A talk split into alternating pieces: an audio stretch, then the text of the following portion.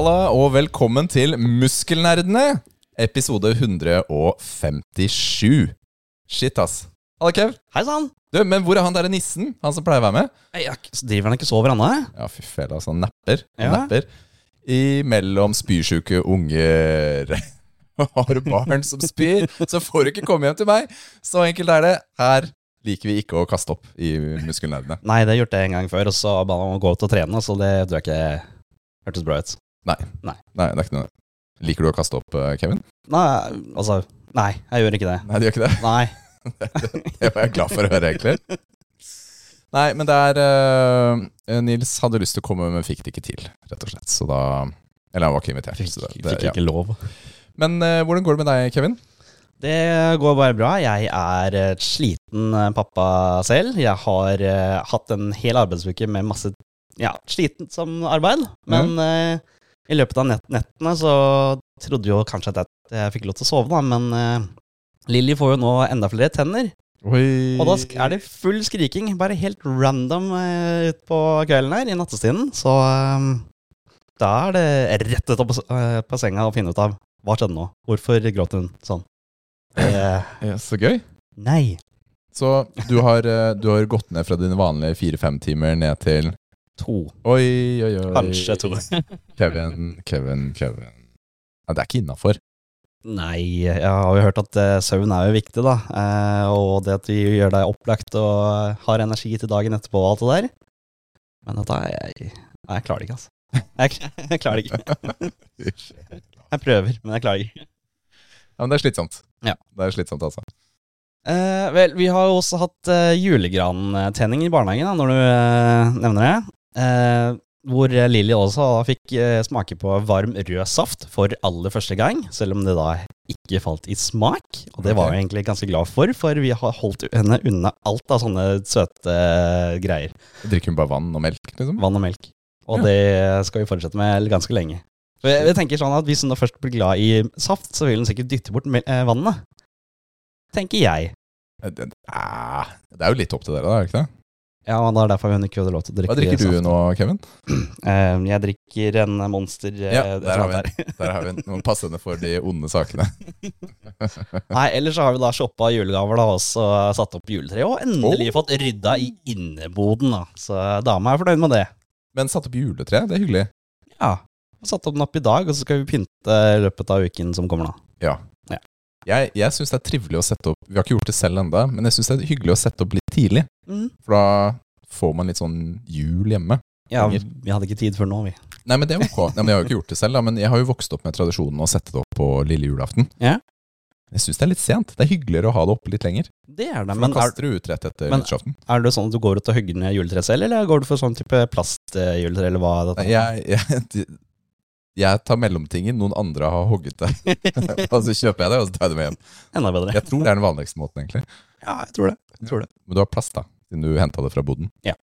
Orker ikke betale greiene igjen og igjen hver, hver jul. Nei, ok. Altså, jeg savner lukta, da, på trærne. Ja. Det gjør jeg. Ja. Men eh, det fins sikkert du, bare, vet du, hva, du kjøper to sånne Wonderbombs med juletre som du bare setter inni der. God idé. så har du løst det. Ja, fy fela, altså. Du, jeg har vært i Danmark eh, denne uka her, med jobb. Det var så spennende, den fortellingen var. Danmark? Ja, du, hva Du sier Danmark? Jeg sier Danmark. Hva er riktig? er det Danmark eller Danmark? Jeg har alltid sagt Danmark. Ja, Nå har vi ingen dansker her, da, til Nei. oss. Jeg var i Århus, og det er en by jeg ikke har vært veldig mye i, og besøkt noen kunder da, på, Ja. på jobben. Det var, eh, det var ok, det. Og uka som kommer nå, det blir jo rapport neste uke, da, men nå skal jeg bort fi, fem dager, eller? Til Tyskland. Oi! Ja, kjempe... Autobahn, eller? Ja, fly. Jeg skal til Düsseldorf. Så ok. tenker det blir, eh, tenker det blir bra, ja. Ja. Men vet du hva, Kevin? Kevin, Kevin, Kevin. Mm. Vi er ikke alene her i dag. Nei, det er vi ikke. Vi har faktisk en gjest. Ja! Velkommen! Nå kommer det gjest. Ikke hvilken som helst gjest, men en supergjest! Woohoo! Woohoo! Velkommen til deg, Jenny Jordal. Tusen takk. Takk for at jeg får være her. Det er Ja. søndag. Andre søndag i advent. Ja, vet du hva, det er litt Ja. sånn, sånn Her er det julekose, ikke sant? Nå har vi snakket litt om jul, og Sånn. Og Danmark? Ja, og, ja, ok, nå kan du avgjøre. Nå kan du avgjøre. Ja. Si, er det Danmark eller Danmark? Danmark. Ja, Er det ikke det, da? Danmark. Ja, det er jo jeg, det. jeg er på Det er team sikkert. Danmark. Ja, jeg sier også Danmark. Danmark, tenker jeg da. Er, uh, bare for å kaste inn den i brannfakkel under miksen her. Ja. Du, Jenny, du er jo, hva skal vi kalle deg, tegneserieskaper? Altså Ja, illustratør? Ja, Mhm. alt det der? Alt det der på en gang. Du, det Ja. er kjempemorsomt. Ja, det Eh, syns jeg også. Jeg er enig. Jeg er glad for at jeg jobber med det. Det Ja. er jo en rar jobb, men det er jo ikke det. Altså, Nei. for meg har det blitt normalt. Jeg har jo holdt på med tegneserieskaping i ti år fulltid nå. Oi. ja, det så det begynner altså. å bli noen Ja. år, da. ja, Ja, men da er du etablert også. Ja. Det er, har eh, begynt å bli, i hvert fall. Ja, ja det syns jeg, altså. Du, jeg har jo jeg har lest tegneseriene dine i mange år, rett og slett. Så veldig hyggelig. Er Så har vi aldri jo- møttes. Nei, nei, det er jo ikke så ofte man møtes gjennom tegneseriene. Det skal jeg innrømme, altså. Nei, det er Men- jo et ganske sånn asosialt format sånn sett. Men, men eh, du har jo laget et par striper eh, om eh, at du har begynt å trene. Og det så jeg på som en slags søknad til å være med i Muskelnerdene. Skamløs søknad. Ja, det er en skamløs håpet, søknad. håpet at det var kjempesubtilt. Usikker på Ja, om det fungerte. var- jeg med. Jeg bare kødder. Det er jo um, Det var en morsom historie. Vi kan ta den historien etterpå. eh, I forhold til hva som var i stripa. Men mm. uh, det er jo særlig den, eh, den uh, strippserien 'Livet blant dyrene' som Ja. har liksom vært uh, min favoritt. da Og jeg har liksom elsket hvordan du har tatt et bilde fra ja, typisk Nettavisen da og tegnet videre, eller tegnet eksempler uh, på dette her. Ja, det er jo veldig typisk Nettavisen. Nei, uh, det, det startet jo som en slags sånn, en sånn frustrasjon som bygget seg opp gradvis over alle sånne clickbait-saker. Eh, og eh, eh, jeg og en forfatter som heter Martha Breen, vi laga en bok på et tidspunkt het Den store rumpefeiden, der vi på en måte snakka om hvor sjukt mye rumper det er i eh, norsk media for Ja. tida. Ja, At man kan liksom ikke gå inn på en eh, nettavis uten å bare få 10 000 rumper i monitor. Men det er også at eh, de rumpebildene og saken ofte er helt løsrevet fra hverandre. Ja, for det er det som er så morsomt. Ja, det er det. Ja, det er liksom det som er at rumpe liksom, og andre kroppsdeler, da, særlig kvinnelige, blir brukt som et slags sånn illustrasjonsfoto på nesten hva som helst. Jeg tror min favoritt er en, det er en sak som den handler om 'Slik vasker du peisen', riktig? Ja, Ja. den leste jeg Ja, dag. så ikke sant? Liksom, jo, jo, det er, altså, det er Illustrasjonsfoto er en dame i stringtruse som sitter foran en peis i fyr og flamme. Og alt Ja, altså- helt krise. Ja, så nå må du bare bekrefte eller avkrefte. Er det sånn man vasker peisen, Jenny? Uh, uh, jeg har faktisk peis, jeg bruker det veldig sjelden. Men jeg gjør ikke det sånn, da. Eh, Nei, okay. Men jeg har jo skjønt at jeg har gjort det helt feil da, resten av livet, Ja. så jeg tar selvkritikk. Legger meg ikke flat, men uh, skal Jeg skal følge hennes eksempel neste gang, ja. Men uansett, det jeg gjør i tegneserien, er jo at jeg bare tar eh, eh, og tolker eh, bilde og tittel bokstavelig. Ja. Så da blir det jo Det blir jo morsomt. ja. Eh, gjerne en, eh, en fyr da, som heter Svein, som er min eh, faste karakter i denne her tegneserien, som må gjøre alle de tingene som de her rumpedamene gjør. Han er veldig fabulous. Eh, ja, Svein er fabulous, jeg. Ja, han er. Han er, han er superfabulous. Det er morsomt at du eh, har lagt merke til Instagram-serien, da. Det er jo Ja, vært altså den her er, ja, den har jeg likt eh, veldig lenge, altså. ja, Men du har jo lagd andre ting også. Det Du har jo skrevet noen bøker. eh, En av dem heter 'Er jeg snerpet'? Det stemmer. Er du Ja, snerpet? er dere den. snerpet? Ja, det er jeg helt sikkert. Ja, ja, det er han. uh, ja, den er jo egentlig litt sånn i tråd med uh, det Livet blant dyrene-prosjektet, Mm. men uh, bare at dette her foregår i fortiden, fordi eh, jeg satt en kveld på å scrolle på Finn, som man jo pleier å gjøre, finn.no, og da Ja, eh, spontankjøpte jeg det jeg trodde var ti utgaver av eh, et gammelt kvinnemagasin som heter Alle kvinners blad. Eh, og så var det veldig mye styr å få de tilsendt i posten, og hun som jeg skulle kjøpe fra, var sånn Det her går ikke, du må hente disse bladene på Gjøvik. Og det viste seg at jeg ikke hadde kjøpt ti blader, jeg hadde kjøpt var det fem årganger fordelt på ti bind. Altså, jeg hadde kjøpt en Jeg hadde kjøpt et bibliotek av alle kvinners blad. Oh my Fra-. Ja, det mellom 1938 og 1945 eller noe sånt. Så Ja. jeg har liksom hele arkivet der. Eh, men det er jo helt sjukt morsomt å lese sånne gamle kvinneblader. Med slanketips og eh, kjønnsroller og arbeidsliv og hus, Ja, for du sier det har husmorliv, forandra seg? Det er ikke det samme lenger? Jeg Det har forandra seg litt, ja. Ja, men- ok. Heldigvis. Heldigvis har det forandra seg litt. Men det er også morsomt å lese de bladene, for i 1938 så var de helt overbevist om at eh, nå, var, nå er vi likestilt, og kvinnesak er på en måte Da da er vi i mål. Nå er vi i mål. Da er vi i mål. Eh, Ja, i 1938. Men i hvert fall så er det jo eh, Jeg har tatt utklipp fra det bladet, eh, fylt en bok og tegna til en del av de utklippene som jeg syns er morsomst, da. Ja. Eh, blant annet det uttrykket der hvor tittelen er henta fra, er jeg snerpet, som er en ung kvinne som lurer på om det er frekt å si ifra til en fyr Hun bor på pensjonat, og det er en fyr som driver og røyker sigaretter på sengekanten hennes hver eneste kveld. Og så lurer hun på om, hun, om det er snerpete å si ifra at eh, han ikke får lov til det. da. Ja. Ja. Men det er morsomt. Var Det er mye det et sånn- svar, var det et svar også? De, ja, de svarte at eh, de syntes at det var greit å si ifra, og at hun ikke var snerpet. Ja, Mm. Det var jo på en måte en fin støttende konklusjon, fra alle kvinners blad. De morsomste er jo sånn skjønnhetstips der hvor de foreslår å kjevle vekk magen med eh, kjevle og rulle rundt på bakken for å bli kvitt eh, brede hofter og sånn. Ja, Ja. ja. Så jeg vet ikke om det er det et alternativ til styrketrening, eller for dere? Bare, Du, dette anbefaler vi også, faktisk. Ja, dere gjør det, ja. Eh, Utelukkende for å komme i god sånn pæreform. Ja. ja. Nils er der nå. Ja, Nils er der, han, han kjører bolleform, han eh, for tiden. Hjelpes meg. Han, eh, Nils, han, han, eh, han er som en si, han, han spiser seg opp på vinteren.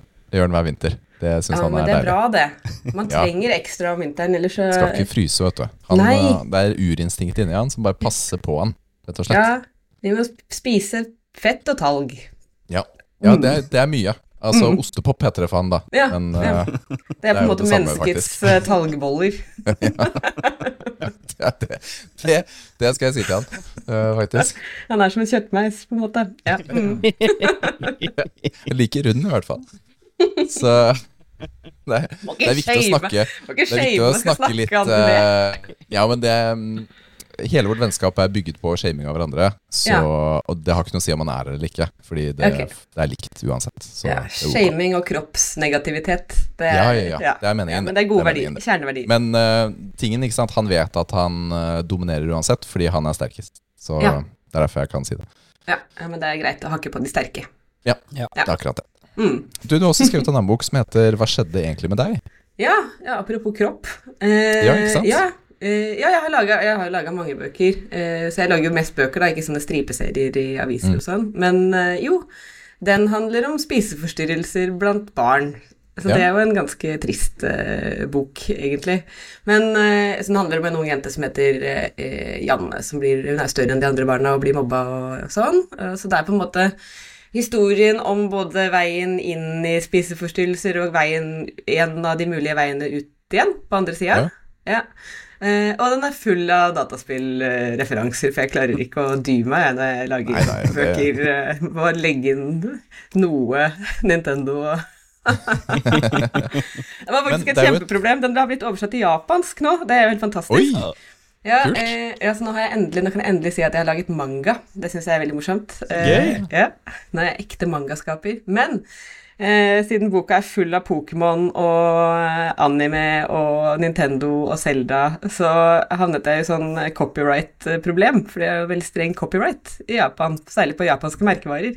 Så Ja. nå heter alt sammen sånn Sølda og sånn. Ja. Og Link har liksom fått en annen ja. Jeg måtte tegne om lua til Link, så hadde har fått en annen hatt, liksom. Det er litt sånn åpenbart ja. Åpenbart fortsatt Selda. Zelda, da. Men det er jo ganske Det er jo ganske stort tema, da, å ta for seg.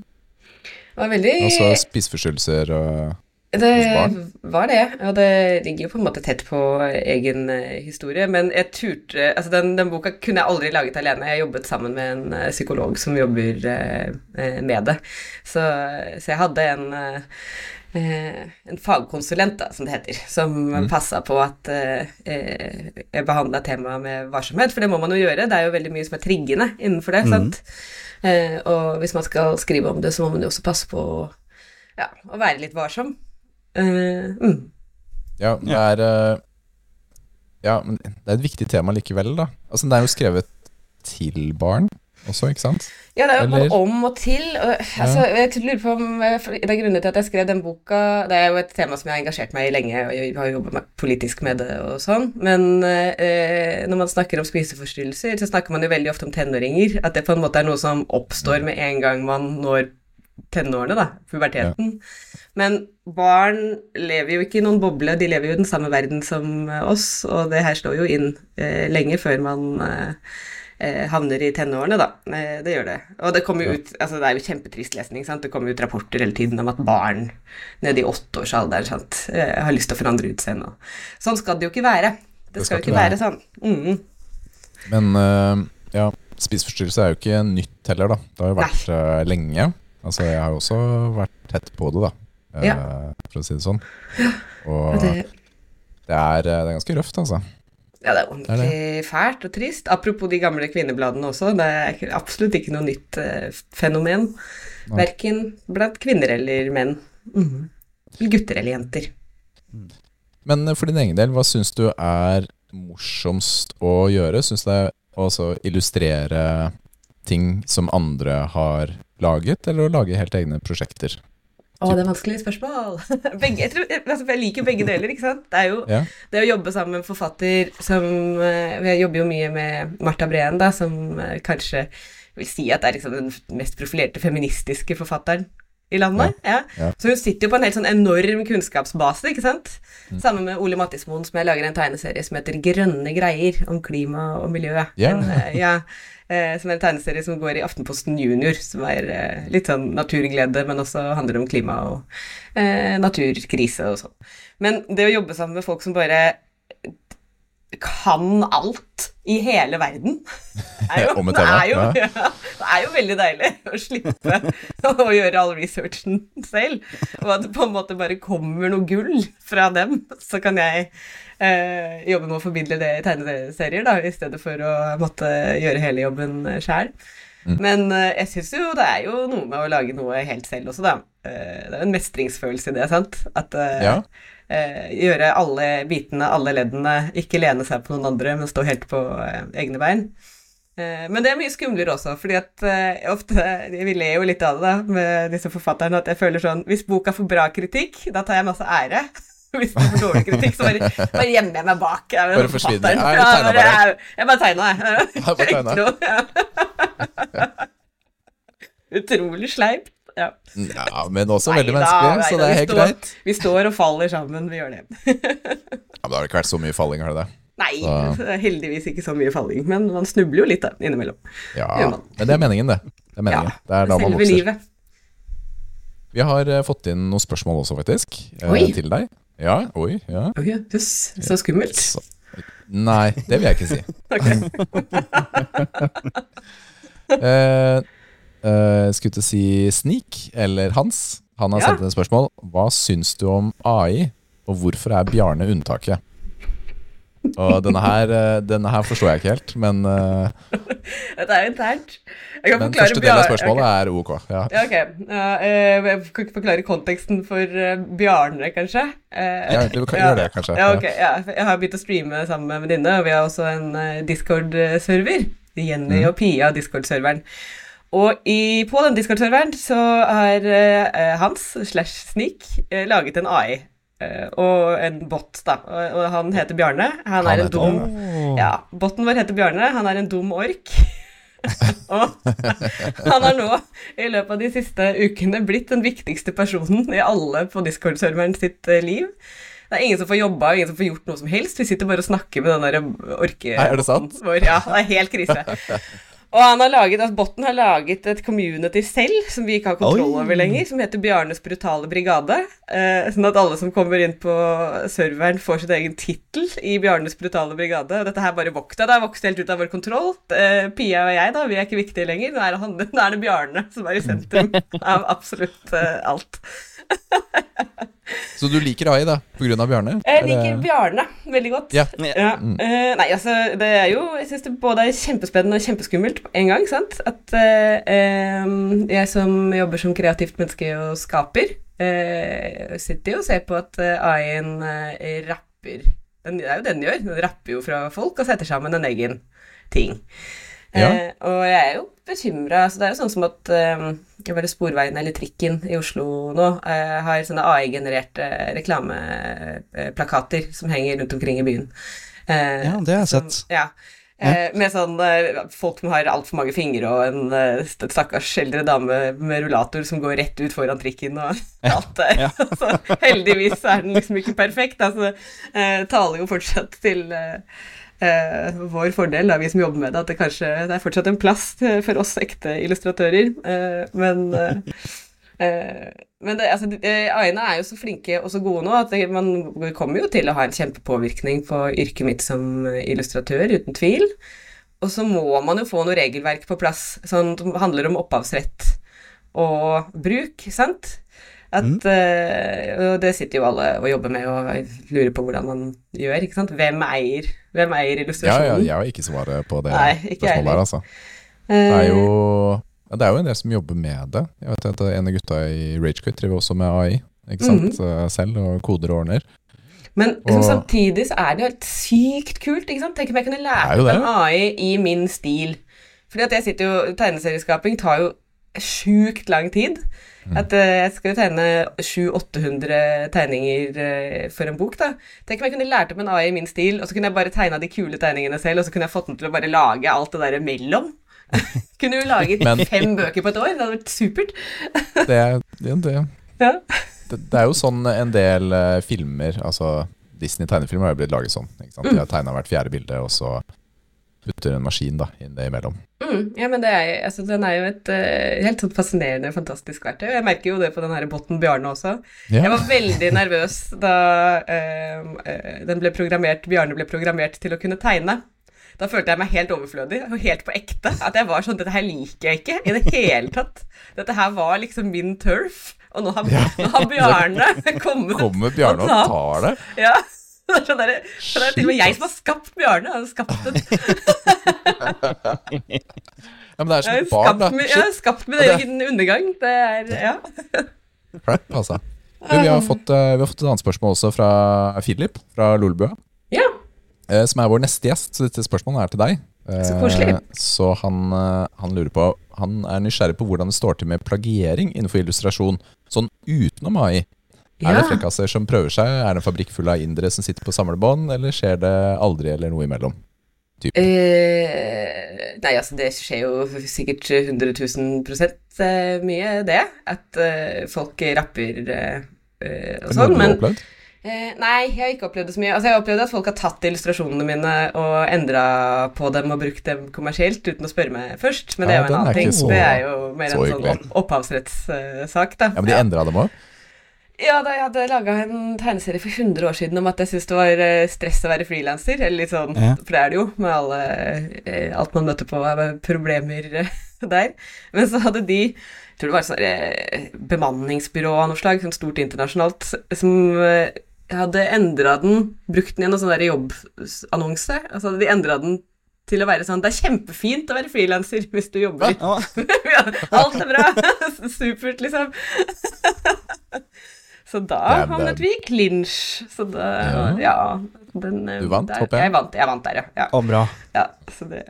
Men altså, det er jo en sånn Jeg tenker jo eh, Og det er jo litt om AI og litt om mennesker og altså, vi, jo, vi blir jo inspirert av andre. Alltid. Ikke sant? Og Ja, men det er jo- meningen.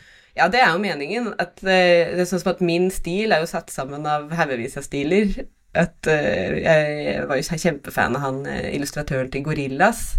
Han Jamie oh, ja. Ute. Ikke at du ser det så veldig mye da, men det er liksom det er hint der.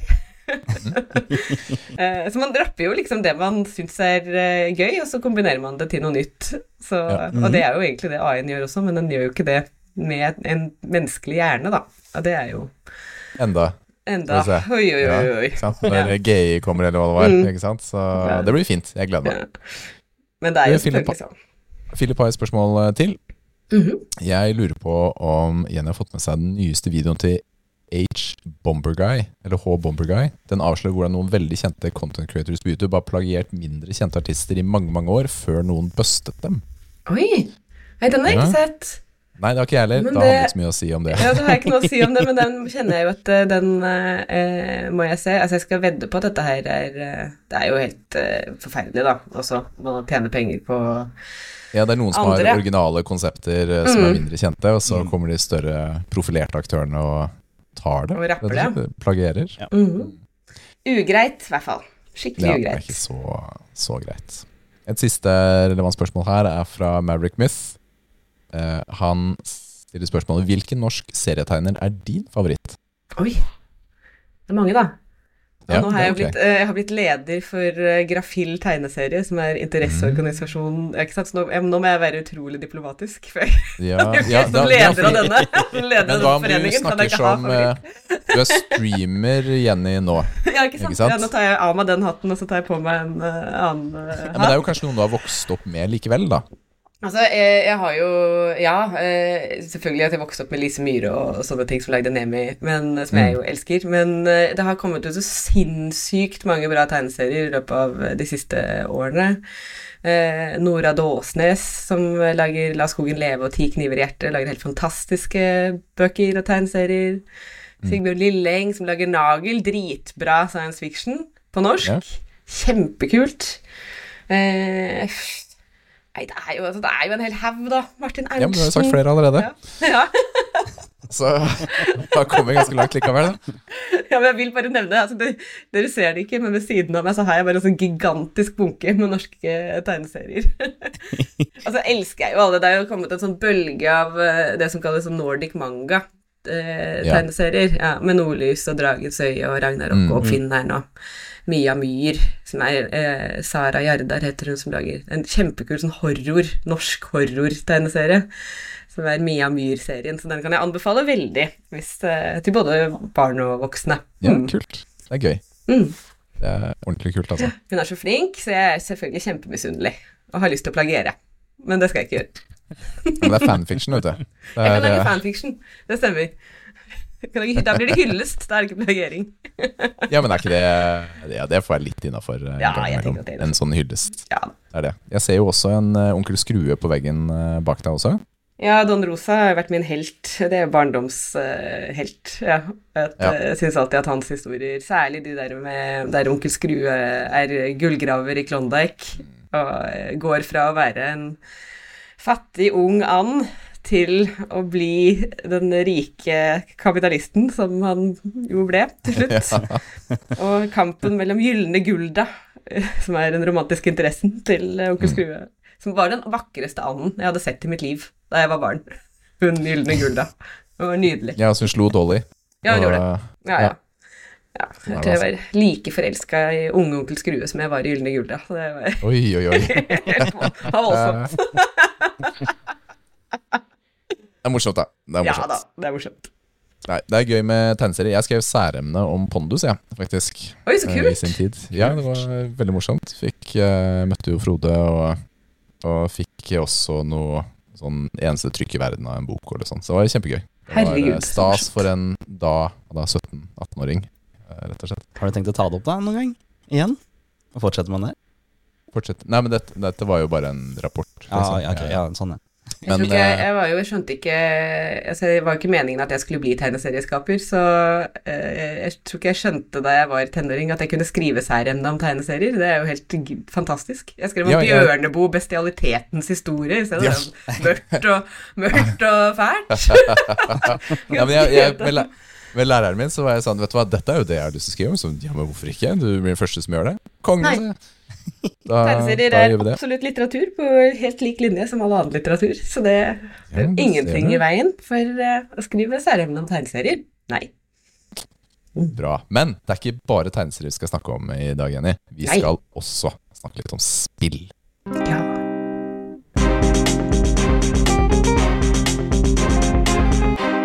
Hva spiller du nå? For vi vet jo at du spiller, rett og slett. Det gjør jeg. Du, du streamer jo til og med at du spiller. Ja. Fortell litt om det. Ja, det har jeg nettopp begynt med. Eh, fordi hva annet skal man gjøre når man er over 30 og Det er når man endelig skal bli YouTuber og streamer, tenker jeg. Ja.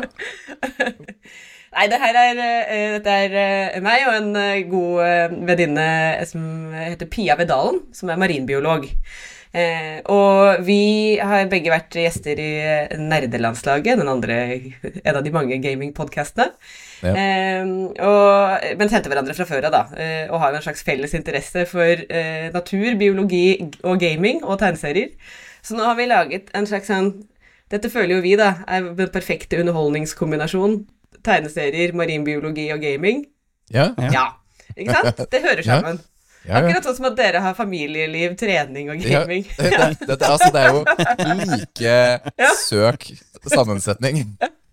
Jeg er veldig, jeg er veldig tilhenger av det her. Og liksom, jeg vet ikke om det fungerer sånn at man ekskluderer alle, eller om man egentlig klarer å inkludere alle disse Og- tre gruppene. Og der er vi dere? slitt også. Ja. Der er vi slitt også. Fordi det, da vi ble, altså De var ikke helt sikre på om de skulle invitere oss til Tiltcast. da Fordi er vi en gamingpod, eller er vi en fitnesspod? Hvem vet? Men det er eh, Ja, men altså, vi, vi valgte jo emnene bare fordi da slipper vi å forberede oss. Ikke sant? Dette er de tingene vi liker å tenke på naturlig, og så da får andre høre på hvis de vil. Dette her kan vi relatere oss veldig til, både Pia og, og jeg. altså, men jeg mener rendyrka konsepter. De kan ta seg en bolle. Her, Ja, eh, ja. Hører du det, Andreas, i nerdelandslaget? Tar jeg bolle. Kan ikke bare snakke om spill. Nei da, nederlandslaget i mitt hjerte, altså. Det, vet du hva, Vi elsker dem jo. Vi har jo lånt studio til å spille inn episode for oss. Ikke sant? Så det er, vi er gode venner. Ja, alle er Gode venner. Men ja, jo da, jeg gamer. Eh, og har, nå har Pia og jeg eh, Vi spiller jo mye i dag, eksempel, så har vi spilt Absu. Som på en måte er Ja. den litt sånn sjelelige oppfølgeren til Journey. Eh, sant? At det er samme firma som har eh, laget det. Men Abstu foregår eh, under vann, så det er et hav, havspill. Og det, Ja. det er jo rett opp vår gåte, for da kan vi sitte og snakke om marinbiologi samtidig som at vi gamer. Men hva kommer frem da fra marinbiologen? Pia. Eh, Ja. Det som er veldig morsomt med det spillet, er jo at eh, eh, selv om det er et eventyrspill, eh, og litt sånn dystopisk eh, eventyrspill, så er alle artene i spillet, alle fiskene man møter på, alle anemoner, alle krabber, alt sammen, er ekte arter. Og da begynner Ja. jo eh, Pia, som er Hun Hun snakker mer enn meg. Altså, jeg snakker mye, men hun snakker, hun snakker mye. Og det er så gøy, for da begynner altså hun, kan, hun kan alle latinske navn på nesten alt. Da begynner hun, da. Med en eller annen type rur eller en krabbe eller et eller annet. Og snakke latin, latin, latin. All info. Eh, hvordan de parer seg, har formert seg, hvor lenge Altså, det bare kommer og kommer. Mens jeg sitter Men- og, og jatter med det. gamer. Det er jo veldig bra, det er veldig bra for en stream å kunne prate om ting som ikke er bare Thank you for the sub. Ja. Uh, ikke sant? Altså Ja, at ja, du har en ordentlig samtale, da. Uh, Ja, og vi, vi koser oss jo eh, glugg. Dette, vi vi starta jo dette her fordi at vi syns det er morsomt å henge sammen og snakke sammen. Uh, og Det er, jo- også grunnen til at denne podkasten fins. Ja. Men jeg tror det er den beste grunnen til å gjøre noe som helst, det. At uh, uh, dette er mye mer vennskap enn business, kjenner jeg. Ja, ja, vi tjener jo ikke noe penger på dette her. Ikke sant? nei, det er ikke vi har jo nå en unnskyldning, tre kompiser, til å møtes én gang i uka. Og hvor ofte får man til det som voksen? da? At du faktisk kan møte uh, noen venner en gang i uka. Det er sjelden, altså. Ja. Ja. Nei, jeg syns det Så derfor er ja, vi nødt til å Vi, må, vi er nødt ja, til å lage podcaster bra. og streame for å klare å møtes. Men hvor lenge har du holdt på med dette streamingprosjektet? Det er jo helt ferskt. Eh, vi har jo nettopp begynt, eh, så i løpet av eh, Det er jo for to måneder siden tror jeg vi begynte med dette her. Så eh, vi har gått fra å ha eh, teknisk kompetanse på null eh, til nå å ha kjøpt inn masse tech eh, og nye mikrofoner og streamdekk Så ting som jeg aldri visste at eksisterte. Du har streamdeck også. Nei, jeg har ikke streamdeck. Pia har streamdeck. Nå skal ikke jeg skryte meg på dette her. Ja. Men jeg skjønner at jeg også må skaffe meg et streamdeck. Så det har jeg ønsket meg til jul. Da. Det er til, til hele familiens forvirring. Her. Hva er et streamdekk? Og hvorfor, Og hvorfor ønsker, skal du ha det? Hvorfor ønsker vår datter seg et streamdekk? Eh, nei, men altså, det er veldig, veldig, veldig artig. Og det er jo, altså eh, Det er jo litt gøy med sånn community-bygging rundt stream også. Uansett om man er liten eller stor, så er det jo noen som henger med og følger med på oss, da. Og det er jo kjempegøy å føle en slags sånn connection til de folka som sitter i chatten. Da, da, er man jo, da har man flere venner. Det er ikke bare Pia og meg, da er det Mm. resten også. Ja. Resten Ja, er av Bjarnes hyggelig. brutale brigade, som de heter nå. Ja. Ja. Men hva er det du eh, liker å spille, da? Sånn utenom eh, streamingen? Eh, ja, for i streamingen så har vi jo spilt litt sånn eh, kortespill mye. At vi Mm. spilte uh, Manual Samuel, for eksempel. Perfectly Paranormal. Oi, det er vanskelig. Ja, det er vanskelig, og det var jo også helt knusende å gjøre det på stream. Å gjøre det foran Ja. folk. Det, det var jo helt eh, krise. Det er et spill der hvor du uh, må, du må uh, styre alle kroppsdelene til en fyr som heter Samuel, uh, manuelt. da, Så du må styre dem hver for seg. Så du må, huske å, du må huske å puste, du må huske å blunke, du må huske å gå med hvert bein. Du må, altså, det er helt vanvittig. Ja. Det er veldig gøy å spille to, da, selvfølgelig. Ja. Ikke sant? Fordi da styrer én Altså, du har forskjellige kroppsdeler da, Ja. og, som du styrer, og det går jo ikke bra. Nei, det, det går virkelig ikke bra. Det Høres veldig morsomt ut i Ja, hvert fall å spille sammen. Utrolig underholdende. Men nei, eh, jeg har jo liksom den vanlige spillhistorien til folk i min generasjon, tror jeg. Med Nintendo 64 og Zelda-universet og Super Mario og vært på Nintendo-kjøret siden jeg var barn. Men Ja. nå har jeg utvida til PlayStation 5. Så da er PS5 og Switch, eh, stort sett. Ja, det er en Eh, fin kombo, det. ja, ja, super. Eh, men jeg, så nå sitter jeg og har stagnert i Tears of the Kingdom eh, rett før jeg skal ta Oi. Ganondorf, men det derre våpensystemet med at våpnene blir ødelagt, det tar helt knekken på meg, altså. At det er sånn endelig så For at det jeg må gjøre nå, er bare at jeg må surre rundt og samle noen biter til noe våpen før jeg endelig kan ta Ganondorf, for det syns jeg er så kjedelig at det, det har bare stoppa opp. Men jeg skal komme meg gjennom det, altså. Jeg skal det. Eh, og så er jeg har nettopp havna på Genshin Impact-kjøret. Mange Oi. år for sent. Ja. Så nå er jeg der. Og det eh, Jeg elsker Føles det, da. Okay? Hæ? Ja, du elsker ja, det? Ja, ja, altså det er jo på en måte For meg som liker eh, Breath of the Wild og Tears of the Kingdom og åpen verden og eh, anime-stil Det Ja. ligner jo mye Det på veldig mange måter på Breath of the Wild og Tears of the Kingdom. Det er jo Men det er jo også Genshin helt Impact er free to play, er det ikke det? jo, Det det, er det. stemmer. Det har sånn gacha-mekanikker, så du skal jo liksom bruke alle pengene dine på det, da. Bli lurt Mm. til uh... Bare legge inn kredittkort til det, og så, så går det bra. Ja, men jeg er et voksent menneske og kan bruke pengene mine på det er det jeg vil. Ikke døm meg. Ikke døm meg. Man vil ha det kostymet der. Herregud, det er faktisk kjempefet vannknivkarakter der. Den må jo ha han. Eh, nei, eh, jeg har faktisk spilt det uten å legge igjen penger i det så langt. Og så tenker jeg ofte med sånne typer spill at jeg kan godt legge igjen pengene jeg ville brukt på et eh, spill fra før av. Sånn 800 kroner koster jo ofte de store spillene, ikke sant? Gjør det. Ja. Og da tenker jeg at det å legge igjen 800 kroner, 1000 kroner i et sånt spill, fordi å, ha- og det er jo fritidsaktivitet og noe jeg syns er veldig gøy, det er helt greit. Men jeg blir jo Jeg skjønner jo Jeg syns ikke det er kult. Jeg kunne bare ønske at det var At det kosta 800 kroner, og ikke drev og lurte penger ut av eh, både barn og voksne, da. Ikke bra. Mhm. Men elsker det, da. Det er jo helt annerledes enn uh, Breath of the Wild. Elsker uh, at eh, det er jo sånn at du kan slåss med elementer. Der hvor man må bruke elementene og kombinere dem for å gjøre sterke angrep. Det syns jeg er kjempemorsomt. Kult. Ja, det er moro. Jeg vurderte jo faktisk å spille Genshin Impact første gang dere inviterte meg som gjest Ja. hit. Så nevnte jeg det at det spillet der, det gledet jeg meg masse til. For det var akkurat som nevnt nå, at Ja. Det var som eh, Altså, nå husker jeg ikke Breath of the Wild. Wild og sånt. Ja.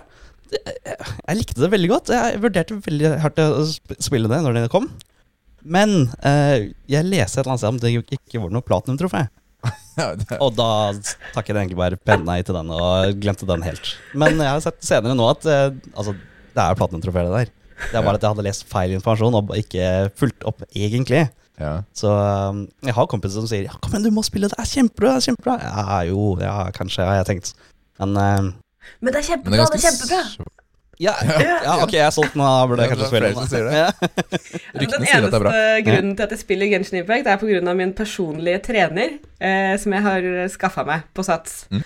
Og den første timen vi trente sammen, så brukte han hele timen på å forklare meg level-systemet i Genshin Impact, selv om det var et spill jeg ikke spilte. Og jeg husker jeg var så takknemlig, fordi at det å ha en personlig trener det er, Jeg føler at treningen er slitsom, på en måte, men det er jo det der å holde den samtalen gående i pausene mellom som er det aller mest slitsomme med å trene med et annet menneske. Må, Ja, for du føler du må? ja, må snakke sammen i de tre minuttene. Altså, Skal vi sitte der i stillhet, da? Forferdelig. Helt grusomt. Det går jo ikke. Nei. Det er jo kjempegøy sosialt eksperiment, eh, det der. Jeg er jo litt sånn ertete. Jeg kan fort bare holde kjeft, jeg, og så ser jeg hva som skjer. Eh, Ah, vi skal aldri bli venner. Det går ikke. No. Nei da. Nei, det er helt problemet, døden for meg. Jeg, klarer ikke å være stille ja, i som to er- sekunder det er- jeg, det var før Du har avslørt Jenny, det er det som er problemet, ikke sant? Fordi jeg elsker jo erte, og så må jeg bare finne ut av hva som trigger, ikke sant? Og så, så ser vi hvordan det går. Alltid lystbetont, da. Ja. Blir resten av denne podkasten bare at du er stille nå, og så skal jeg desperat prøve å fylle tomrommet. Begge dere to bare sitter der taust. Ja. Ja, men Det er faktisk ikke så lett for meg. Jeg har jo også et problem med at jeg er glad i å prate. Så det, det flyter jo ut, for å si det sånn. Gjør det, altså. Ja. Du og Kev, hva har du spilt eh, i det siste? Nei, eller for meg så har jeg det vært eh, litt grann av Titanfall 2, da. Jeg har Det skulle jo egentlig være vårt trios-spill. Ja, men vi satte jo aldri noen grense på hvor langt vi skulle spille og sånt, så så Ja, så- hører jeg jo, altså, jeg leser jeg jo den teksten Richard, nei, Nils hadde skrevet, at han var ferdig allerede. Så, så hva skjedde med triospillet da, liksom? Ja, altså Dette var jo Nils sitt prosjekt. Han er ikke her til å forsvare seg engang. Men å velge et triospill som er seks timer langt, det er jo også, Altså et, eh, en utfordring. da Det blir Ja. ikke så mange uker med content. Nei. Han var jo ferdig på et par dager, eller? Ja. Ja. Ja, han sa han skulle sende en sånn eh, Ja, det, ta denne bossen og denne bossen, og så Ja, det skjedde jo aldri. Da tenkte jeg, satt jo bare og venta. Jeg tenkte, når kommer den? Ja. Jeg tok jo multiplayer-delen, men det, den tenkte jeg det kommer jo ikke til å være en del av uh, Nei, nei. triospeten, så jeg tok den og ble ferdig med den og venta. Spent. Men den kommer jo aldri. Ja, Så du har ikke spilt noe av hovedspillet? Jeg starta campaign-biten hvor du skal eh, løpe the gauntlet, eller hva den heter. Ja, Første tutorial-biten.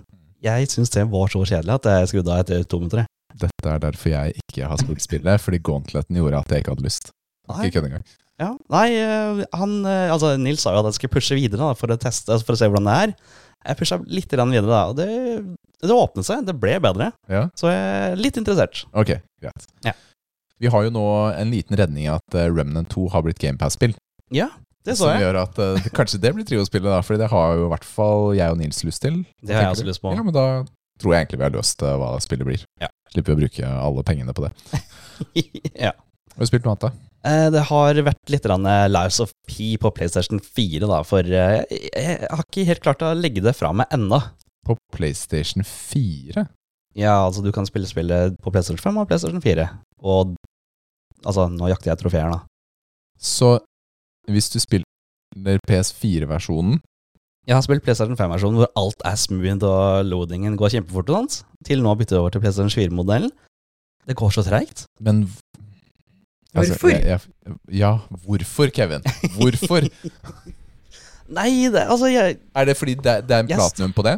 Det er platinum på det. Det var det. Ja, altså, det er platinum, Det er en egen platinum på PlayStation 4? ja. Måtte du kjøpe det på nytt, eller var det Jeg tror jeg kjøpte begge. Jeg husker jo det var en Chrono Cross-greie som jeg ikke husker akkurat nå. Men eh, nei, altså, jeg, jeg, jeg har ikke blitt ferdig med det, føler jeg.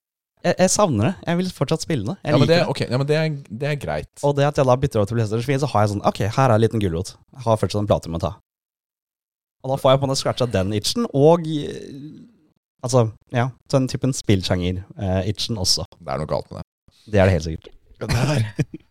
altså, Jeg har veldig lyst til å spille det, jeg har ikke spilt det. Jeg syns det ser dritfett ut.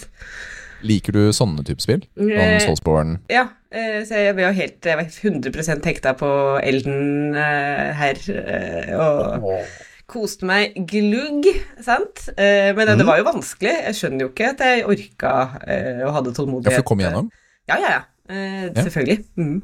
Det til slutt så, Ja, selvfølgelig. Så bra. det, det var veldig arrogant sagt. Det er ikke noe selvfølge i det hele tatt. Ja, Jeg altså, holdt de- på å De spillene der kan ødelegge en. Altså, Nils og jeg fullførte aldri Sekiro, f.eks. Nei, eh, jeg har ikke fullført eh, Jeg er sånn halvveis ute i Bloodborne, eh, og det er en evig, et evig prosjekt som jeg driver og holder på med, der jeg surrer meg inn i Bloodborne, og så tenker jeg nå skal jeg kose meg, og så blir jeg sur, og så slutter jeg å spille Bloodborne, og så kommer jeg tilbake igjen. Lies of P og Bloodborne er jo veldig like, mener jeg, da. Ja, Altså, Bloodborne så kan du jo spille multiplayer, da. Så kan du få hjelp Ja. da, hvis du skulle ja, det er bare ingen Ja. som vil hjelpe meg. Det er jo, Men- hvis det er noen der ute Du får bare streame da, vet du, så går det. Men Lies of P er på en måte Er litt lettere. Er litt lettere. Altså, developerne de har jo gjort spillet lettere også, ved å senke helsene og gjøre skadene si, svakere fra bossene og sånt. Fordi folk har klagd for mye. Ja, men så trenger du ikke å samle sånne der blood vials, eller hva det er for noe. Nei, det får. trenger jeg ikke. Som er det mest irriterende i hele verden. At Ja, fordi det er det. ikke Ja. At, eh, ja, så må man jo Altså, og At livet ikke automatisk bare fyller seg opp til et standardisert nivå, men du må faktisk kjøpe, eller hva det var. Ja, eller farme det. Eller farme det, de. ja, ja. Ja. Ja, så I tillegg så dør Ja, man jo hele tiden, der, så man farme igjen og farme igjen. og farme igjen. Men det jeg liker med det, er jo at det er, sånn, det er litt sånn Charles Dickens-skummelt. At det er sånn folk i høye, krokete flosshatter øh, med gøyale britiske aksenter og Det er sånn Det er skummelt, men det er sånn liksom-skummelt. Det sånn, e- det er litt sånn eventyrskummelt. Uh, Alice i Eventyrland-skummelt, ja. Uh, så det Jeg er veldig pysete, så jeg tåler vanligvis ikke horror uh, overhodet. Men det Jeg tror at fordi at det er så karikert, så takler jeg det. Selv om det er mørkt og skummelt. Ja. Jeg, jeg takler ikke horrorspill heller, så det Men du kommer deg gjennom disse? Disse kommer jeg gjennom, men type Resident Evil og sånn type jumpscare og sånn, det Nei takk. Jeg har ikke sjans. For det er litt forskjell, fordi jeg føler at i Lice of P og Bloodborne der, så er det litt Det er mer sånn stemning. Det er det. Det er kanskje ikke sånn Det er ikke sånn Det er ikke grøsserspill. Det er jo ekle monstre og sånn, men Ja, de hopper jo ut fra busker og tønner gjennom hele spillet i Lies of Bloodborne. P har jo faktisk en del jumpscare-ish moments. Altså Har det det er noen få Ja, men disse som hopper ut av vegger og butikker og sånt. Oh, ja, ja, de som gjemmer seg bak hjørnene og Ja, det er litt sånne ting, men det er ikke krise ja, i Nei, det. det er ikke, det er ikke stille. nei, jeg må sikkert ha det besøk Nei, hvis jeg skal det. spille det. Jeg syns det er skummelt, altså. Jeg kom meg ikke gjennom The Last of Us heller. Jeg syns det var altfor skummelt. Eh, Oi! Men eneren eller toeren? eh, eneren- jeg har sett på at folk har Jeg har sett på streams, sånn at jeg føler at Ja, jeg har vært med og spilt det likevel. Men, men man er jo så svak. Det er jo bare sånn derre- Det er zombiehorder som kommer løpende mot deg, og du har en, hva da, en stein og en pinne. Det er alt du trenger. Ja, det er liksom helt eh, morbid. Det er ikke nok Ja. med det, men du skal beskytte noen i tillegg. Det er jo eh, Uff a meg. Ja. Mhm. Det var Jeg har spilt uh, Call of Duty Ja. denne uken. Det har vært uh, Vi har ikke spilt inn uh, Vi spilte jo ikke inn episode forrige uke. Vi hadde litt, Det kommenterte jeg ikke i starten. Vi hadde logistikkproblemer på gjesten vår. Og litt sykdom og en av oss. Det var litt sånn Nei, vi f måtte bare ikke gjøre det sånn. Men Mm. likevel, så det har vært vanskelig for meg å få til å spille de siste par ukene. Eh, det er litt irriterende. når, når det er mye liv, rett og slett, som mm. står i veien. Jeg har, jeg har klart å spille COD, fordi COD er jo et sånt veldig hopp inn i type spill. Altså, Der kan du ta et kvarter, og så har du det gøy i det kvarteret. Eller Ja. hate livet i det kvarteret. Er. Men jeg har spilt uh, litt med Matheo, og så har jeg uh, spilt også med Jon Eirik. En eh, kompis uh, som vi har spilt mye Destiny med. da Mm, yeah. Men han har falt av Destiny-kjøret, han også. han, ja, han Og når ja. han har falt av Destiny-kjøret, da er det ikke håp faktisk for spillet lenger. Fordi han har spilt det spillet i fem år non-stop, mange timer hver dag. Mens nå er han sånn Nå, nå vil jeg ikke mer. Jeg kjenner til det. Jeg falt også av lasset og har prøvd å komme tilbake, men det falt ikke i smak. Det falt aldri i smak igjen. Nå kommer det jo en, kall det siste expansion i denne um, sagaen, da, tiårssagaen, Ja. til sommeren. Kommer ikke til å kjøpe det. Jeg er ikke, jeg er ikke helt er sikker ikke eh, selv, faktisk. Jeg er ikke det, altså. Kan dere ikke bare spille Genshin med meg i stedet? Mye Ja, gøyere. ikke sant? Det blir det nye, da. Det. Det, Kjempeavhengighetsskapet. Ja, man må jo inn og gjøre sånne daily commissions for å få den der myntenheten som man kan wishe på karakterer og Å, men nå begynner du å ta opp de tingene som jeg ikke likte så godt med Destiny. Den biten som er jobb. Fordi det er akkurat det det er. Jeg må inn og jobbe hver eneste dag. Jeg skjønner ikke. Og innimellom er det kjedeligere enn mitt virkelige liv. Og det, Ja, men det er det. altså, Og, det, og så spill skal liksom være en release, da. Og så skal du inn og jobbe. Det er derfor jeg ikke helt får til en del Det er en av de tingene som har liksom bekymra meg for å starte på Red Dead Redemption.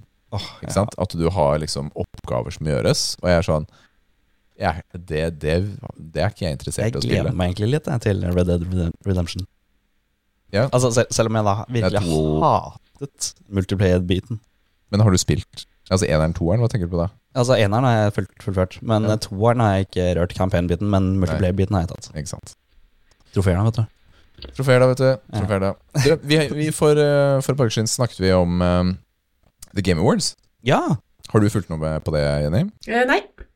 Det er jo på en måte Men altså, jeg, Oscar-utdelingen. ja, jeg registrerer det jo, selvfølgelig. Uh, ja, som Oscar-utdelingen innenfor uh, spill. Ja. ja. Og vi hadde jo litt sånn predictions og sånt. Jeg har ikke tenkt å gå gjennom en lang liste over hvem som vant alt, fordi Baldur's Gate 3 vant alt. Ja, det var egentlig ganske greit. De Ja. vant alt. De vant alt.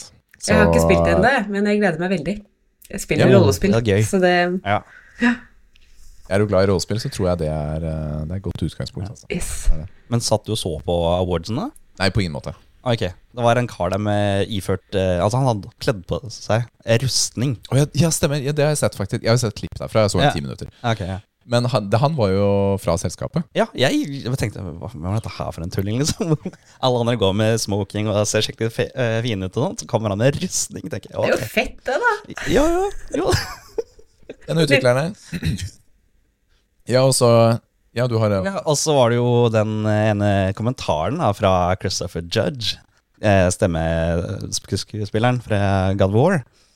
Han sa jo da at uh, han hadde, han et lite stikk om at uh, talen hans var så lang uh, fra forrige gang de hadde han på awardsene, at um, Hva var kommentaren hennes? det var Hele hans eh, tale var lengre enn eh, Call of Dutys nåværende kam kampanje. Ja, ikke Ja. sant. Så det Det er eh, ordentlig stikk der til COD-gjengen. Ja, og at han aldri ville jobbe der selv- heller. Ja, det blir ikke noe jobb, eh, det blir ikke noe jobb der nå. Nei. Til gjengen. Jeg syns det var litt artig at han kom med noe sånt, men eh, Street Fighter 6 ble årets uh, slåssespill, da. det ble det. Det er uh, vel fortjent. Yes. Det var litt deilig. Det var det eneste jeg brød meg om, faktisk. på den lista der. Nei, men kult. Eh, jeg tenker at eh, vi går litt videre nå. Ja. Og kommer oss inn på Tips. Og ryktene har det til at vi vet at du ikke er pappa. Jeg er ikke Jenny? pappa. Det stemmer. Nei. Jeg er, jeg er ikke pappa. Jeg er ikke, jeg er ikke mor heller. Eh, Nei. Jeg er bare meg. Jeg hadde en katt. Ja, Du hadde en katt. Ja. Ja, men det er fint, det. Ja, det, er fint, det. Men, øhm, men likevel så har man jo gjerne en eller annen form for familierelasjon med noen øh, ved å være menneske. Det stemmer. Enten at man er øh, datter, kusine eller hva enn det Mm. måtte være. Så vi lurer liksom på, har du kanskje noen viseord til øh, Mm, Noen vise, våre i dag? vise ord om familieliv. Jeg har tenkt Ja, ja. masse på det sant, i det siste, fordi jeg er jo i midten av 30-årene og har ikke egne barn, men skulle kanskje eh, hatt Det hadde, ikke vært eh, feil å ha det heller, på en måte. Eh, Så tenker man jo mye på det. Ja. Eh, Men eh, da har jeg også tenkt mye på at familie er jo mye mer enn eh, egne, egne barn og eh, egen, eh, egen reproduksjon, liksom. Eh, Ja. Kan være så mangt. Og jeg har jo en veldig eh, god familie som jeg er kjempeglad i. Eh, mamma, pappa, søsteren min eh, og utvidet familie med tanter og onkler og det hele. Eh, Så jeg tror at altså, mitt beste tips til, i hvert fall hvis det er andre damer eller menn som befinner seg litt i samme situasjon som meg, da, at eh, eh, kanskje man kunne litt ønske at man var på et litt annet sted i livet, men sånn har det bare ikke blitt. I hvert fall ikke så langt. Eh, og Mm. alt kan jo skje, altså, man, det kan jo fortsatt skje ting. Men, eh, men å passe på de eh, relasjonene som man allerede har, og dyrke den familien man har, og de vennene man har òg. Altså, vennefamilien er jo en helt egen form for familie, tenker er jeg. Ja, eh, som er absolutt like verdifull. Så det, det Ja, tenker fordi jeg mye på. Og frysende egg, da, hvis man kan ha råd. Kanskje det ordner seg. Kanskje det ordner seg. Nå skal du se. Skal du se. Ja, da, da er det tipset for i dag. Fryse ned noe egg, da. Kom igjen, da. Fryse ned noe egg, da. Det er svindyrt. Men herregud, man, Might as well. Might as well. hvorfor ikke? Nei da. Men jeg mener virkelig det at herregud, eh, så takknemlig jeg er for alle de folka man har eh, rundt seg. Mm. Som både er eh, altså den familien jeg har, men de vennene jeg har også. Eh, det er eh, Det føles ut som en familie. Det er det. Det er jo en familie. Ja. Familien min er jo familien din. Det er jo Ja, men det er jo noe med det, da, fordi vennene har du jo valgt, eh, gjerne. Ikke sant? Det er jo den store forskjellen, da. Familien får du i stor grad, i hvert fall eh, kommer inn i, og så utvider den seg på en måte organisk rundt deg uten at du egentlig påvirker det. Og så Men vennene er jo er man mye mer i kontroll over, da. Mm, det er jo den Og- selvvalgte familien. Nå er jeg veldig heldig at den familien jeg har fått utdelt eh, fra fødselen, også er veldig bra, da. Så det, Den fungerende. ja, den er fungerende. Ja, kanskje mitt andre gode tips er at nå blir det jo eh, jul, da. Det er jo, kan jo ofte være utfordrende i, eh, for familiefreden, og man føler seg jo tidvis utbrent etter sånne ferier. Så, men jeg er veldig glad for at familien min lar eh, alle få lov til å ha ferie. Og at ikke, ikke all tiden gjennom hele julestria er organisert eh, helt i alle bauger og kanter. Eh, men at man kan få lov til å ha litt fleksibilitet og litt rom til å bare være seg selv, og kanskje være seg selv sammen, da. Man kan eh, ja, gi hverandre litt plass i julestria. Det tror jeg er lurt. Ja, det tror jeg også, altså. Mm. Det er eh, Jeg merker at jeg gleder meg til jul, eh, rett og slett for det. At eh, det ikke er noe som skjer. Det er ikke så mye som er planlagt for vår del heller. Jeg tror, Nei, ikke vår del heller, for så vidt. Sett opp juletreet og spise litt julegrøt. Det er vel egentlig det vi har planlagt enn så lenge. Dette høres ut som en helt Men, perfekt jul. Det er akkurat sånn Ja, det skal men- være. Ja. Jeg, får ikke, jeg har ikke fått den julefølelsen på ganske lenge nå. Men når jeg først skal ha den, så må det en spesifikk reklame gå på TV for å få meg dit. Er det cola Det er Cola-reklamen. mm. Den gamle Cola-reklamen. Ikke den nye Pepsi som harselerer med colareklamen? Nei. Jeg tror jeg er ødelagt sånn sett, men eh, det, Det må det er først da jeg får den eh, gode følelsen. Men den fins på YouTube, da. Kan jo Ja. se på cola-reklamen. Det kan jeg gjøre. Da må jeg ha gjort det et par ganger. Sånn, skru den på uh, spilleren. Angrer deg, vet du. Hun, du, hun, eh, du står på kjøkkenet eller ordner noe, så hun bare YouTuber opp den, og så går den, og så bare kommer den. Den er der, jo! Ja, det, det hjelper. Det hjelper. Det hjelper på humøret. Jeg har også bestemt meg for å få sånn julefølelse i år. Det, det skal jeg spandere på meg selv. Så nå hører jeg på julemusikk som et uvær. og prøver, eh, prøver ordentlig hardt. Og kjenner at eh, ja, jeg tror det kan skje, altså. Tror det kan skje nå. Så bra. Man må konsentrere seg han- litt i voksen alder Ja, for å få også- julestemningen, men uh, den kommer sigende, altså. Ja, for min del så har det Det er ofte forbundet med at jeg klarer å fjerne jobbstresset men, fra meg. Mm. Eh, når jeg klarer det, og, og slippe, da, så, så blir det bra. Men det som er fint denne, denne jula, er at siste uka før jul så har jeg ikke noe, det er ikke noen store oppgaver eller ting som trenger å stresse meg opp. Det er bare sånn roe ned-uke, og det er jeg veldig glad for. Ja, men da, det betyr også at det er gode muligheter da, Ja. til å kose seg, rett og slett. Så det blir bra. Tusen takk for, uh, for uh, pappatips, uh, Jenny. Frysende noe egg. Frys ned noe egg, da, om du har råd. Det kan vi ha. Ingen årsak. ja, ja. Takk for Vi meg. vet jo også Eh, Takk for deg. Takk for deg, takk for deg. Vi går inn på neste tema.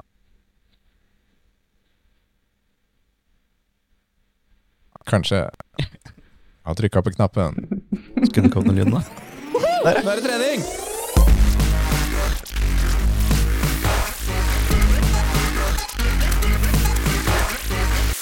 Åh, nå er jeg sliten. Nå er vi slitne, Jenny. Veldig altså. slitne. Ja. Men eh, det var jo denne tegneserien du lagde, da, eh, som jeg bet meg litt merke i.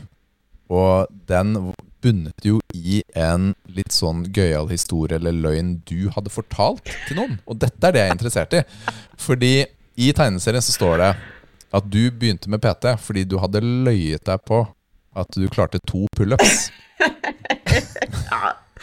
Slutte med sånne hvite løgner, altså. Altså, Til mitt forsvar så skjønte ikke jeg at jeg løy før etterpå, da jeg skulle teste. Men eh, Og du bare antok at du ja, klarte jeg tenkte at det var, herregud, det er sikkert beskjeden, tenkte jeg. Men eh, nei, det som, uh, det som Jeg hadde faktisk en PT før det, da. Jeg skaffa meg PT fordi at jeg ble sy sykemeldt i år, og da tenkte jeg at nå trenger jeg noen rutiner og må, kan ikke bare drive og surre rundt. eh, Og eh, kan ikke bare spille Genshin Impact eh, hele dagen, på en måte. Eh, Må ha noe ordnings på eh, livet. Men ehm, så bytta jeg PT, eh, og da skulle jeg ha den derre oppstartstimen. Der hvor man skal fortelle om sine treningsmål, for det er jo det de PT-ene spør om. Hva er dine treningsmål, hvor skal vi ligge liksom det neste året? Eh, og da hadde jeg klart, eh, i forkant av det her, eh, for jeg skulle imponere en eh, veltrent eh, mann Prøvde i hvert fall. Han hadde begynt å snakke litt om pullups og sånne ting, og jeg hadde liksom vært sånn Ja, jeg, jeg, jeg trener også, jeg er personlig trener, sånn. Det, ja, ja. Kjempelett. Og så spurte han «Eh, hvor mange pullups klarer du, og da tenkte jeg da at eh, jeg ikke måtte overskjelle overselge meg selv. Jeg tenkte at jeg måtte bare Jeg måtte ta noe som jeg følte var et litt sånn normalt antall pullups. Jeg har aldri, aldri prøvd å ta en pullup i mitt liv. Jeg tenkte, jeg tenkte at sånn jeg kan ikke si én, for det virker veldig, liksom, som veldig lite. da. Jeg får si to, da. Jeg kan ta to pullups. Det eh, kan jeg. Og da skjønte jeg med en gang på reaksjonen hans, som var sånn Jøss, jeg men så bra. Liksom. Ja, det er ikke mange. Det er ikke så mye damer som klarer det. Jeg skjønte bare nei og nei og nei og nei. Oi, oi, oi, oi, oi. Hva har jeg rota ja, hva, jeg- hva har jeg gjort? Hva har jeg gjort? så da dro jeg jo direkte til uh, treningsstudio. Jeg skulle prøve å ta en pullup. Jeg hadde ikke sjans. Altså, det var ikke Men jeg kan ta virkelig ikke sånn minus null pullups. Jeg hang jo bare som en sånn sekk i den stanga. Så da han der nye PT-en kom og sa hva slags eh, treningsmål har du, så måtte jeg fortelle hele den der historien her. og jeg har nå ligget i hardtrening i flere måneder, og nå klarer jeg å ta to pullups. Ja, så bra! Ja, Det endelig. Det er helt konge. Mm. Ja, det er jo helt uh, sjukt. Jeg har aldri hatt uh, over, uh, overkroppsstyrke i mitt liv. Det har på en måte ikke vært Eller jeg har ikke hatt så mye styrke, egentlig, i mitt liv, men overkropp særlig ikke. Så det her er jo helt utrolig for meg. Det er jo helt ute av er karakter. Jeg, Ja. jeg klarer ikke én engang. Altså. Jeg er der, ja da, men de gutta her klarer 20 med vekter og whatnot. Jeg blir helt imponert, jeg. Ja, altså Nå kjenner jeg på de der som trener ved siden av meg, de her damene og mennene som kommer inn og med sånn derre kjetting som de henger eh, haugevis av vekter i og bare svosjer 100 ganger opp og ned den stanga, mens jeg er hyperstolt av mine kavete to pullups som jeg tar. Men du har jo klart å bygge opp styrke da, Ja. over den siste tiden. Ja. Det er jo kjempebra. Men man blir Det er vel jo ikke bare pullups eh, du driver med? Nei, kanskje? eh, nå har eh, Nei, nei, nei. Eh, og det er mye markløft og sånne ting eh, også. Så nå hadde jeg mitt nye mål var eh, å løfte 100 kg i markløft før jul. Oi, det er ja. bra. Ja. Ja, så nå Hvordan ligger du an? Eh, Nå kan jeg løfte rundt 90. Ja, så kanskje, kanskje det kan gå, men jeg Ja, det skjer snart, det. ja, men jeg har ligget helt sånn langflat med feber i løpet av den siste uka, og nå føler jeg at eh, alt er uh, fortapt. Men uh, kanskje, Ja, kanskje men det det tar ikke så lang tid å komme tilbake, altså. Nei, så bra. Etter, Eh, etter sykdom. det her er jo helt nytt for meg. Jeg har aldri trent styrke før i mitt liv. Jeg har liksom jeg har jogga litt og gjort sånne, du vet, sånne øvelser hjemme. Mm. Stol, stol og sånn. Det føles ut som sånn, Ja. Sånn hus, Lene husmortrening. seg litt på en stol. eh, Jeg har, lent, jeg har lent meg litt på en stol og hoppa litt på stuegulvet, på en måte.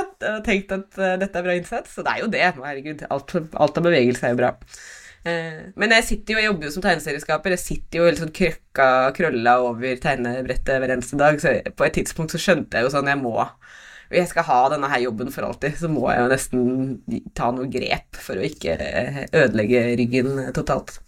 Men nå har jeg i hvert fall fått Hvordan eh, føler du Hvordan føler du kroppen har forandret seg Altså i denne perioden? ikke vondt i ryggen i det hele tatt lenger.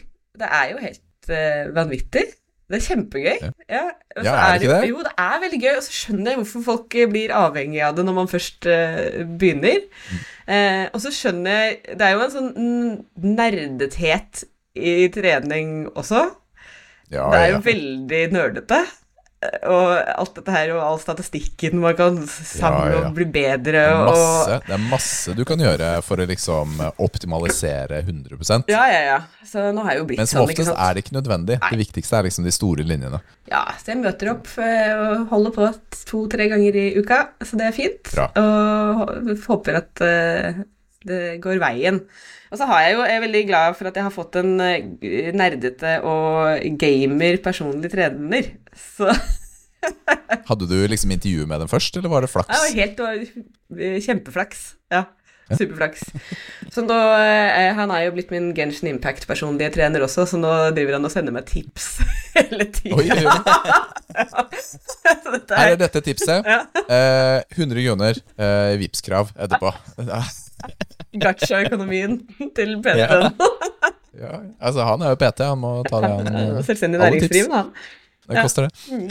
Nei, men altså, jeg syns det er moro, jeg. Jeg synes det er ordentlig moro. Uh, og jeg kjenner at det er gøy å føle at man blir eh, sterkere, særlig for meg som eh, Jeg har jo aldri vært Det har jo aldri vært noe sånn livsmål å bli noe sånn voldsomt eh, sterk. Men jeg syns det er morsomt det er, veldig, altså, det er jo ofte sånn at folk trener for utseendet, sant? Man trener liksom for å bli tynn og pen. Det er sy sykt morsomt å trene for å klare to pullups. Mye mer givende enn eh, noen annen sånn trening jeg har gjort i mitt liv. Ja. ja, men det er jo kjempebra, ikke sant? Og nå ljuger du ikke lenger heller. Nei, det er deilig. Det er kjempedeilig. En sånn byrde som er løftet av skuldrene. Har du snakket noe med han etterpå, eller? Han Ja. har sagt 'jeg tar faktisk to', altså. Det er helt sant. Skal jeg vise? Jeg måtte jo eie løgnen min, da. Det var derfor jeg endte opp med å lage en tegneserie om det. At jeg, Ja, var sånn, jeg klarer ikke å leve i at jeg har løyet om noe så teit. Det går ikke an, faktisk. Det er ikke, det er ikke greit. Hvilke andre styrkemål har du, da? Bortsett fra markløft og pullup? Må man ha flere? Er ikke de er ikke det Nei, jeg, jeg spør. Er det noe benkepress, eller er det noe Eh, løping, kanskje? Det er Eller? Sikkert noe øh, Ja, altså Jeg driver jo på og har lyst til å løpe en mil på en time og sånn, de vanlige tingene, og det, det klarer jeg sånn nesten greit. Bare syns det er så utrolig kjedelig å pushe meg. Jeg syns kondistrening er slitsomt. Nei, jeg hater det. Ja. Nei, det er ingen av oss som gjør cardio. Nei, det er, jeg synes det er kjempe Men jeg liker liksom å løpe og høre på musikk, da. Det er fint. Men da merker jeg jo at da løper jeg jo mye saktere enn det. Jeg ja, pusher meg for å løpe sånn kjempelangt og kjempefort. Det er så lang tid da. Ja, du får jo- du oppnår jo Jeg mener vi har snakket om det på en tidligere episode, men man oppnår jo en veldig god sånn cardio, eller sånn utholdenhetseffekt med intervalltrening Ja. også, ikke sant? Og det er veldig tidsbesparende. Altså det er maks 20 minutter, kanskje mindre. Eh, og så har du samme effekten som en god time da, på å løpe. Så da er det jo bare å kjøre de der eh, spurtene, da. ja. På et minutt eller eh, halvt minutt, eller hvilket opplegg du følger. Elsker å spurte. Det er gøy. Ja. ja. Jeg bare sier hvis du ikke vil bruke tiden, da, Ja. så det, gir det god effekt. Mm. Jeg har tatt litt benkpress og litt sånne ting. Jeg synes det eh, det det er kanskje der jeg er dårligst. Det kjenner jeg. At eh, Ja, det er jo også litt tøffere for jenter også. Ja, det er liksom noe med det, og så er det jo Ja, man Jeg bare kjenner at det er sånn det å holde balansen, nesten. Der man bare vingler det av, og alle vektene deiser i bakken og helt krise. Men et sted må man starte. Ja. ikke sant? I starten handler det jo bare om å, å lære øvelsen også. Og det å være stabil og trygg. Jeg tror også at noe av det jeg syns var så fint, fordi at jeg har alltid følt meg helt sånn noldus og grønn når jeg kommer inn i et uh, treningsstudio. ikke sant? Alle maskinene har vært veldig avskrekkende. Eh, man ser jo på folka som eh, Torturredskaper. Ja, ikke sant? Ja. Men, men også bare det liksom, å trene med vekter at man, Jeg har vært så redd for å skade meg også. ikke sant? Og så er man redd for å dumme seg ut. Redd for å gå inn og eh, begynne med et eller annet, og så ser alle at jeg gjør det feil og er teit. og Kjenner meg igjen Ja. veldig der. Eh, sånn at det har vært en sånn eh, Det har vært veldig gøy å eh, på en måte bli vant til å være i treningsstudio og skjønne hvordan alt funker, og vite at det jeg gjør, er riktig, og gjøre det med en slags sånn selvtillit. Da. Det er morsomt. Det, det liker jeg. Ja, Kult. Men bra at du også relaterer et det. par eh, Ja, Ja, men altså, det er jo en del av en reise, Ja. ikke sant. Uh, altså de ja, Det er jo en del år siden jeg starta, men jeg kjenner jo igjen de samme følelsene. Mm. Ikke sant? Eh, det, er, det er jo en- når man ikke kan en ting. Det er jo så enkelt som det. Du kan ikke den tingen alle andre kan der hvor du er. Nei, Ja, sant? Det, altså det føles jo kjempe... Jeg var aldri noe god i gym. Jeg var alltid sånn som ble valgt sist. Og helt uh, håpløs på eh, øye-hånd-koordinasjon. Og eh, gym var jo også et sånt der fag som var sånn Du lærte det jo aldri. Det var bare de som drev med sport og idrett, som var flinke og fikk god karakter, mens vi andre som ikke drev med det, måtte jo bare kave etter å gjøre det beste man kunne. Akkurat sånn som tegning, form og farge òg. Der vant jeg jo på en måte, for at jeg kunne kunne tegne fra før av, mens alle de andre som ikke kunne det, lærte det jo aldri. Det var å tegne en fin tegning. Ja. læreren min kom til meg og sa Det var sløyden, da. Eh, men det var også tilsvarende i Mm. tegning, form, farge. Ja. Så sa han Rikard, du skal få karakter på innsats. Og det var det komplimentet jeg fikk eh, for det jeg Jeg fikk faktisk jeg fikk sekser i teoretisk basketball. Så jeg er veldig god i basketball i teorien. Fantasy League, eller? ja. Nei, jeg bare skrev en ganske god oppgave om basketball. Så Den beste karakteren jeg har fått i gym, teoretisk basketball. Det er deilig. deilig. Du, Vi har fått noen spørsmål også rundt trening Ja. til deg. Yes. En fra Trude Sofie, som spør Hvilken muskel er du mest fornøyd med? Oh. Hei, Trude Sofie. Nei, altså nå har jeg jo, siden jeg har drevet med pullups-greiene, så har jeg på en måte fått Jeg har drevet og fått rygg- og nakkemuskler. Det har jeg aldri hatt i mitt liv. Eh, og det er jo kanskje ikke den Det er jo, altså, det er jo enhver kvinnes drøm å få eh, bred nakke. Sterk rygg. Jeg, jeg, jeg, altså. jeg, jeg er fornøyd med fornøyd, jeg er Foreløpig veldig fornøyd med nakke her. Det, ja, det har kommet seg veldig eh, de siste månedene. Bra, bra, bra. Eh, Are Edvardsen spør Har du trent øyenbrynmusklene slik at du kan heve og senke dem uavhengig? Kan man det? Jeg kan det kanskje på den ene? Igjen? Ja. igjen. Eh, Nei, jeg sånn klarer ikke det på den andre. eh, Nei, Nei, ikke heller. nei jeg, man klarer bare den ene siden. Det her, det er jo helt rå greier som foregår på sidelinjen eh, her, da. Med å snu det. Oi, Kevin! I all Kevin? verden! Er, Shit, ass. dette er godt, dette er godt uh, podkast og er Det er god radio, det er god radio Ja. men Kevin sine øyebryn de går opp og ned uavhengig som et uvær her på siden. Og vi er alle imponert. Vi vet nesten ikke hva vi skal si. imponert, altså. Ja. Bra. Hva med treningen din, Kev? Det har ikke vært så mye av det som jeg skulle ønsket. Nei. Nei, jeg, eh, jeg, jeg vil jo, men eh, livet akkurat nå passer ikke Nei. med trening. Jeg får det ikke til. Så jeg har egentlig sagt opp, jeg. Du har sagt opp gymmedlemskapet ditt? Ja. Jeg har jo vært støttemedlem siden september en gang. Vi trenger ny eh, programleder i Muskelnerdene nå, Jenny. Ja, det er det. Eh, søker Men hva med, eh, for jeg har veldig dårlig øyebryn-action, Jeg går- likevel Å ja, shit, ja. det var faktisk første, det er første, det er første spørsmålet. Yes. Plassen din er fortsatt sikra. Enn så lenge. Ja, ja, ja. Nei, men sånn er det, Kevin. Jeg vet jo at du er, du er veldig aktiv på jobben fysisk også. eh, Der du er. Så det er bra. Da får Ja. du liksom Jeg får jo noe, da. Det er sånn. Mm. Det er, ja. Så ja, der er greit. Der har jeg fått noe. Det er good. Jeg har jo trent eh, som et uvær, som vanlig. Det har gått ganske bra i det siste. Det er deilig når man føler. Jeg husker jeg, jeg trente i går. Nå trener jeg en del med Matheo. Altså Det er eldstemann, da. 15-åringen jeg har. Og han, eh, han er ganske selvgående nå, så fra denne uken som kommer nå, skal han trene alene Oi. uten meg. Og det, det er sånn stort steg for han, da. Da trener han jo øvelser som Jeg har laget et program, og så holder han seg kun på maskiner, da. Ja. Men uh, det går veldig bra. Og han, han kommer til å bli ganske sterk, altså. Han er flink til å pushe seg. Så Det er høre. eh, Ja, det er kjempe, men det er ikke så godt for den planen min, for at jeg skal være sterkere enn han til han var 23. Men det må jeg senke ned til noen 18-19 nå, tror jeg, fordi det, det her kommer til å gå dårlig for, for meg. Så, Det har vært veldig hyggelig, men det, men det var veldig deilig. Jeg trente i går, og så trente jeg på den benpressmaskinen, og så sånn, det bare føltes så deilig og så riktig. Mm. Det var ordentlig ja, god flyt, og det er så mange dager jeg kjenner det lenger. Det var, eh, det var deilig. Ellers må vi gi en stor gratulasjon til Kikki. Kikki Berli Jonsson. Jonsen. Se her, det er kjempevanskelig. Men hun eh, var med i Official Strongman Games og fikk andreplass i Oh. verdens sterkeste dame 50 pluss. Så hun er um, Andreplass, altså. Nest Ja, er sterkeste dame. Kjempebra. Ventureløs. Det er helt sjukt, ass. Det er uh, all, alle gratulasjoner, eh, Kikki. Gratulerer så masse. Ja, ja. Wow. Hun er, hun er beintøff, ass, Jenny. Hun var Sånn, gjest her. ja, altså, Ja, sånn vil jeg også bli. eh, Jeg føler, jeg ikke er på så god vei, men uh, ja, ja. Har nakke, da, i hvert fall. Vi eh, Nils og jeg var hos uh, henne og mannen hennes Egil, og så trente med henne Ja. en dag. Da hun trente seg opp til en av konkurransene, og det var dra bil og traktordekk og det var helt Og sånne svære atlassteiner. Helt kaos. Hun bare bam, bam, bam, bam, bam. Jeg blir imponert, jeg. Syns det er kult. Ja. Det er jo Og så er hun verdens søteste, hyggeligste dame.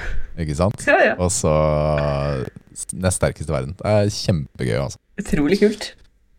Ja, Det er det. Så vi har også en liten quiz og litt sånn, vet du hva? Men uh, siden vi i dag spiller remote, jeg har ikke quiz-jingeren i all verden. Det blir joker. Uh, det blir joker. Ok. Joker!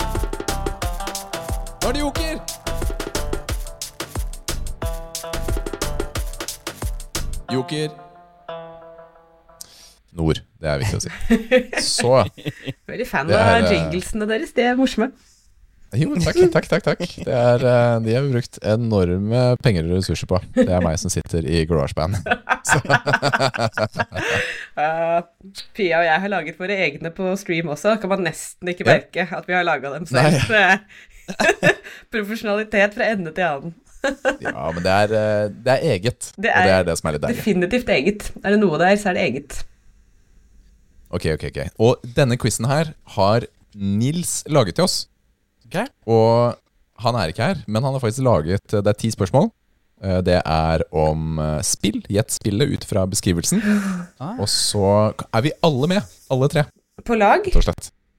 Eh, Nei, det er ikke noe gøy. Hva- Det er solidarisk Nei, eh, Ja, men ok, ja, men vet du hva? Ja, men vet du hva? Det er i og for seg Vet du hva? Vet du hva? Det er fair. Det er fair Det er oss mot Nils. Det er det. Fordi det pleier vi ikke å gjøre. Nei, Sånn pleier vi ikke å gjøre det. Så um, bare Ja, redusere fallhøyden her. Ja, men det gjør det. det, gjør det. Bare uh, for, Det er ikke så veldig spennende for lytterne, men for deg, Jenny, så ryker batteriet på kameraet snart. Så det blir uh, Bare så du vet. Okay. Så det er sånn okay. det funker med dette oppsettet. på Det er deres, kjempegøy. på deres kamera. Mhm. Ja da, ja da. Det blir gøy. Ok.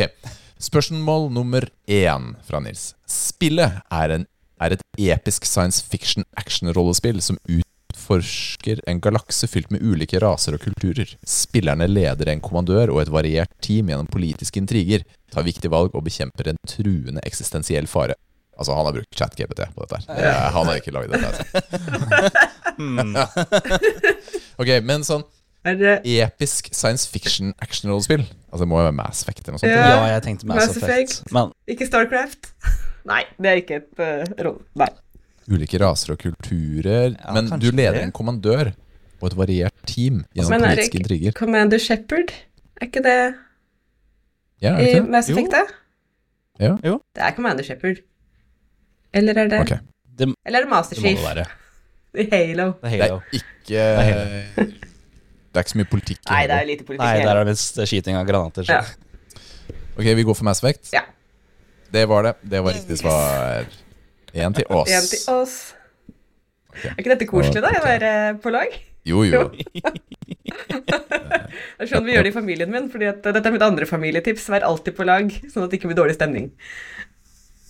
Yeah. Den, den liker jeg. Den, Ja. den, den var fin.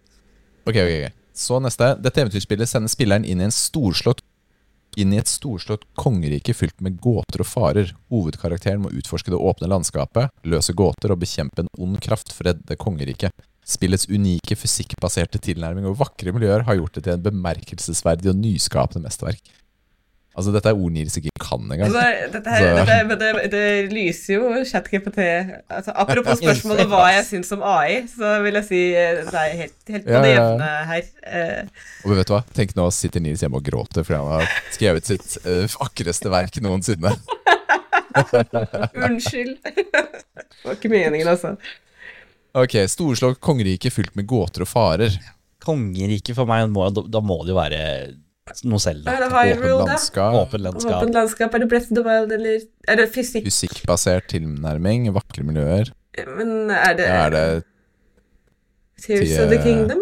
Tears of the ja, Kingdom? Der er det Ja, jo det var i hvert fall eh, fysikk Er det det, da? Altså, det- man skal bygge, da. Man skal drive og bygge alle greiene og være ingeniør, og så skal man jo hoppe Det må jo være det. Man driver jo og eh, zoomer gjennom eh, bygninger og opp i, opp i takene. Da blir det den Zeldaen, da. Ja, da blir det Ja, den jeg Zeldaen. Ja, det var en Zelda. Det var Breath of the Wild. Ja, Yay! ja. Det er nærme nok, er det ikke det? Ja da. Det er klart det er Ja, nærme ja. nok. Et, Dette førstepersons skytespillet plasserer spillere i moderne krigføringsscenarioer, hvor de tar rollen som en spesialstyrkeoperatør. Handlingen utspiller seg i varierte globale steder, og spillet er kjent for sin intense flerspilleropplevelse og en dyp filmatisk kampanje. Å, det er for dumt. det er jo flott. Det er flott. Ja, det er veldig flott. Kjempefint. Ja. Eh, dette er jo Halo. Det må jo være Halo. Ja, jeg tror altså. det. Spesialstyrkeoperatør. Ja. Spesial Master-. Master Chief liksom. spesial. Altså. Ja. Det er jo det han heter på norsk. Nei! Det var ikke det. Det var ikke det. Det var Call of Duty-serien, eh, står det som uh, fasit her. Ja, ja. Ok, er, den tar vi. Dette action-eventyrspillet, utgitt i 2018, lar spillerne innta rollen som en ikonisk superhelt med evner som spenner fra veggklatring til nettbruk. Handlingen finner sted i detaljert gjenskapt versjon av en stor by, hvor spilleren bekjemper kriminelle og løser oppdrag. Med imponerende kampmekanikk og en engasjerende historie og utforskning av en åpen verden gir spillet deg en autentisk opplevelse. Elsker bruken av ordet nettbruk der. Ja. Edderkopp på nettbruk. Nettbruk, ja. Mm. Nei, nei, men vet du, hva? vet du hva? Jeg tror faktisk dette er det ene Ubisoft-spillet hvor du er hacker. Det er det jeg mistenker eh, Nei, der er det ikke Er ikke veggklatring. dette Spiderman, da? Nei, det er ikke så veldig mye der, nei. Nei, nei, nei. Nå husker jeg ikke hva den, det heter, det spillet der, men uh, Ja, Det er kom- ikke den, det er nei, ikke noe det er, klatring. nei, det er ikke noe klatring. Nei. Men gjenskapt versjon av en storby. Men er det ikke Spiderman-spill? Spiderman må, må det jo være, for storby er jo New York og whatnot. er? Ikonisk eh, superhelt. Ikonisk superhelt? Ja, Spiderman. Ja. Ja, Det må være Er det sånn at man ikke skal svare raskt, men heller resonnere litt, for da blir det morsommere for lytterne, kanskje? Unnskyld. Jeg Ja, mente ikke det. Men det var riktig, da. Det var Spiderman. Det skal være bedre neste gang. I dette plattformspillet fra 1994 skal spilleren redde en viktig ressurs fra den onde K-Rule. Gjennom jungler, fabrikker og snødekte landskap må spillerne hoppe, rulle og svinge seg gjennom utfordrende nivåer fylt med fiender og plattformhindringer. Spillet er anerkjent for sitt detaljerte design, minneverdige nivåer og bruk av dyktig musikk for å forsterke opplevelsen. Og dyktig musikk. Det det beste. Det er dyktig. Dyktig og talentfull musikk i dette spillet. Ja, men vet du hva det er, Jenny? Vet du hva det er? Er det Donkey Kong? Det er Ja, klart det er Donkey Ja, Kong. Ja, ok. Det skulle jo jeg resonnere, det skulle la dere Oi. Og han har til og med presisert svaret Donkey Kong Country. Bare Donkey Kong er godkjent også. Ok. Veldig bra. Dette science fiction-rollespillet transporterer spillere til en futuristisk storby av høy, preget av høyteknologisk avansert samfunn og omfattende kriminalitet. Gjennom en engasjerende narrativ opplevelse utforsker spillerne politiske intriger, teknologiske konflikter og en dystopisk framtid. Spillets åpne verden gir spillere frihet til å ta avgjørende valg, tilpasse karakteren sin og navigere gjennom et komplekst samfunn fylt med muligheter og farer. Oi, oi, oi. Men futuristisk er vel eh, og Ja, det, storby? ja, det ble egentlig ganske greit for meg. Ja, jeg Jeg tror også tenker- ja, ja. Har vel 2077 i seg. Det er mulig det er en 2077 den Ja. her. -hmm. Tror jeg også. Har du eh, spilt Cyberpunk? Nei, jeg har ikke eh, Jenny? det. Jeg har ikke det. Eh, det. Har ikke det fått Liker du sånne type altså førstepersons Jeg er ikke så glad i førstepersonsspill, det er jeg ikke. Men jeg kan, eh, kan lide meg gjennom det hvis det er bra nok. Ja. Men Ja. Når den først kom, så var den ikke bra. Nei, for Nei, jeg, jeg men mener, nå- har ikke det fått forferdelig mye kritikk, da? Jo. Ja. Ja, men nå er det um, Jeg ga det ti av ti, tror jeg, faktisk. Ja. Jeg. Så jeg syns dette er et veldig bra spill. Cyberpunk. Det er eh, veldig, veldig bra. Men det er førsteperson. Det er en lang historie. Men um, det, det er noe eget med den der verden. Ja, den føles så flott. Ja. Altså, jeg liker musikken der, da. Det Er den dyktig? Du er ikke fan av spillet? Jeg har ikke spilt nok til å like det. du har ikke spilt jeg, altså, spillet krasja jo, og så ja, fikk jeg jo korrupt eh, save-fil og sånn. Sånn, ja, nei takk, du. Jeg spilte det jo da det var ferdig. Så da Da vil jeg tro det blir bedre. Dette, flers... Dette flerspillerskytespillet dropper spillere på en øy hvor de konkurrerer for å være den siste som står igjen. Med et unikt byggesystem kan spillerne konstruere strukturer for beskyttelse og navigasjon. Spillets dynamiske kart, hyppige oppdateringer og samarbeidsaspekter gjør det til en populær og evoluerende opplevelse. Det er liksom noe med hvor, hvor tørt det Altså- blir når det er populert på den måten. Og jeg ga Nils skryt for at han hadde lagd denne quizen. Og for at han bidro da han ikke var her. Fela, altså. Hva er dine tanker om hvilket spill dette kan være? Jeg vet ikke hva slags spill det er. Jeg er ikke så Skytespill, øy Er det kjempekjent? Burde jeg vite hva det er? Eh, Det er det kjenteste. Det aller kjenteste Ja. skytespillet på en øy. Med evoluerende opplevelse. Evoluerende opplevelse. Ja. Ja. Og jeg vet ikke om jeg spiller så mye evoluerende spill. Kan ikke dere bare si hva det er? Nei, er? vet du hva, det er, det er fair å si. Mm. Det er en battle bus her, og ja, det er jo Fortnite. Er det er Fortnite. Vet. Jeg har bare spilt Team Fortress 2. Som alltid. Ja. I dette populære rollespillet blir spillerne Nei. I dette populære rollespillet blir spillere trenere som reiser gjennom ulike regioner for å fange og trene opp fantasifulle skapninger kjent som Pokémon. Målet er å bygge opp et sterk og variert Pokémon-lag. Utforske verdenen og utforske andre trenere til å bli Pokémon-mestere. Spillets appell ligger i dets enkle og dypt strategiske kampsystem. Utforske av varierte landskap og sosiale aspekter som bygger på samarbeid og konkurranse mellom spillere. Jeg vet ikke hvilket spill det er. Jeg gjetter på at det er Pokémon. Nei, er det sant? Ja, det var Pokémon. Det var Pokémon. Sjuk. Helt sjukt. Det er faktisk helt sjukt. Ja, ett poeng til oss. Han har ikke lest det engang. I dette overlevelsesspillet i tredjeperson befinner spillere seg i en forlatt landsby infisert av skremmende vesener. Som en spesialagent må man redde presidentens datter og avsløre hemmeligheter bak denne dystre trusselen. Spillet er kjent for sin intense atmosfære, utfordrende puslespillelementer og intensiverende action. og det har satt standarder for survival horror-sjangeren. Hmm.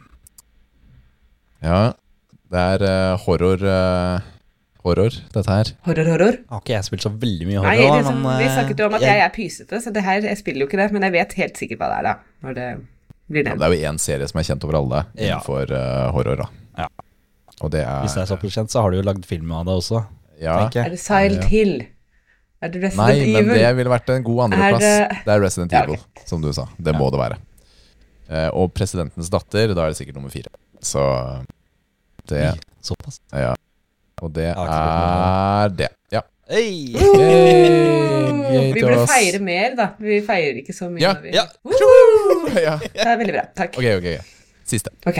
I dette åpne verden actionspillet blir spillere dratt inn i en fiksjonell versjon av California. Handlingen følger tre kriminelle karakterer som utfører ulike heistoppdrag, og navigerer med en rik og variert by- og landskapssetting. Med en overflod av aktiviteter fra bilracing til bankran og et intrikat narrativ har spillet blitt en kritikerros opplevelse kjent for sin enorme skala og detaljerte gjenskapelse av moderne liv. Lang setning. Ja. Munnfull. Mm. Det var ikke, noe, det var ikke så mye Lang setning der, uten innhold. Men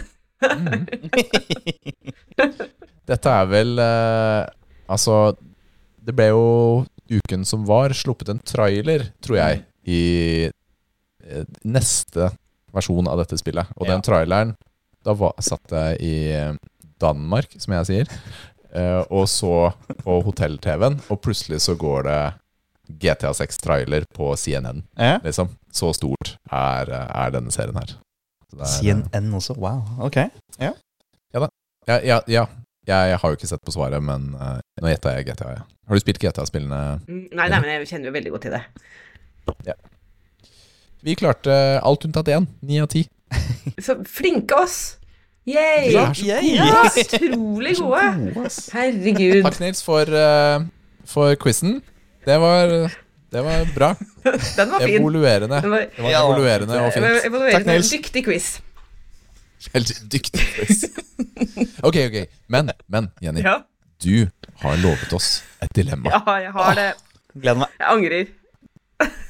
Er det sant? Nei, nei, selvfølgelig gjør jeg ikke det. Man må kaste seg ut i dilemmaet. det, jeg mistenker jo at det ikke er like bad som det pleier å være. Nei, jeg har jo hørt på dilemmaene deres tidligere.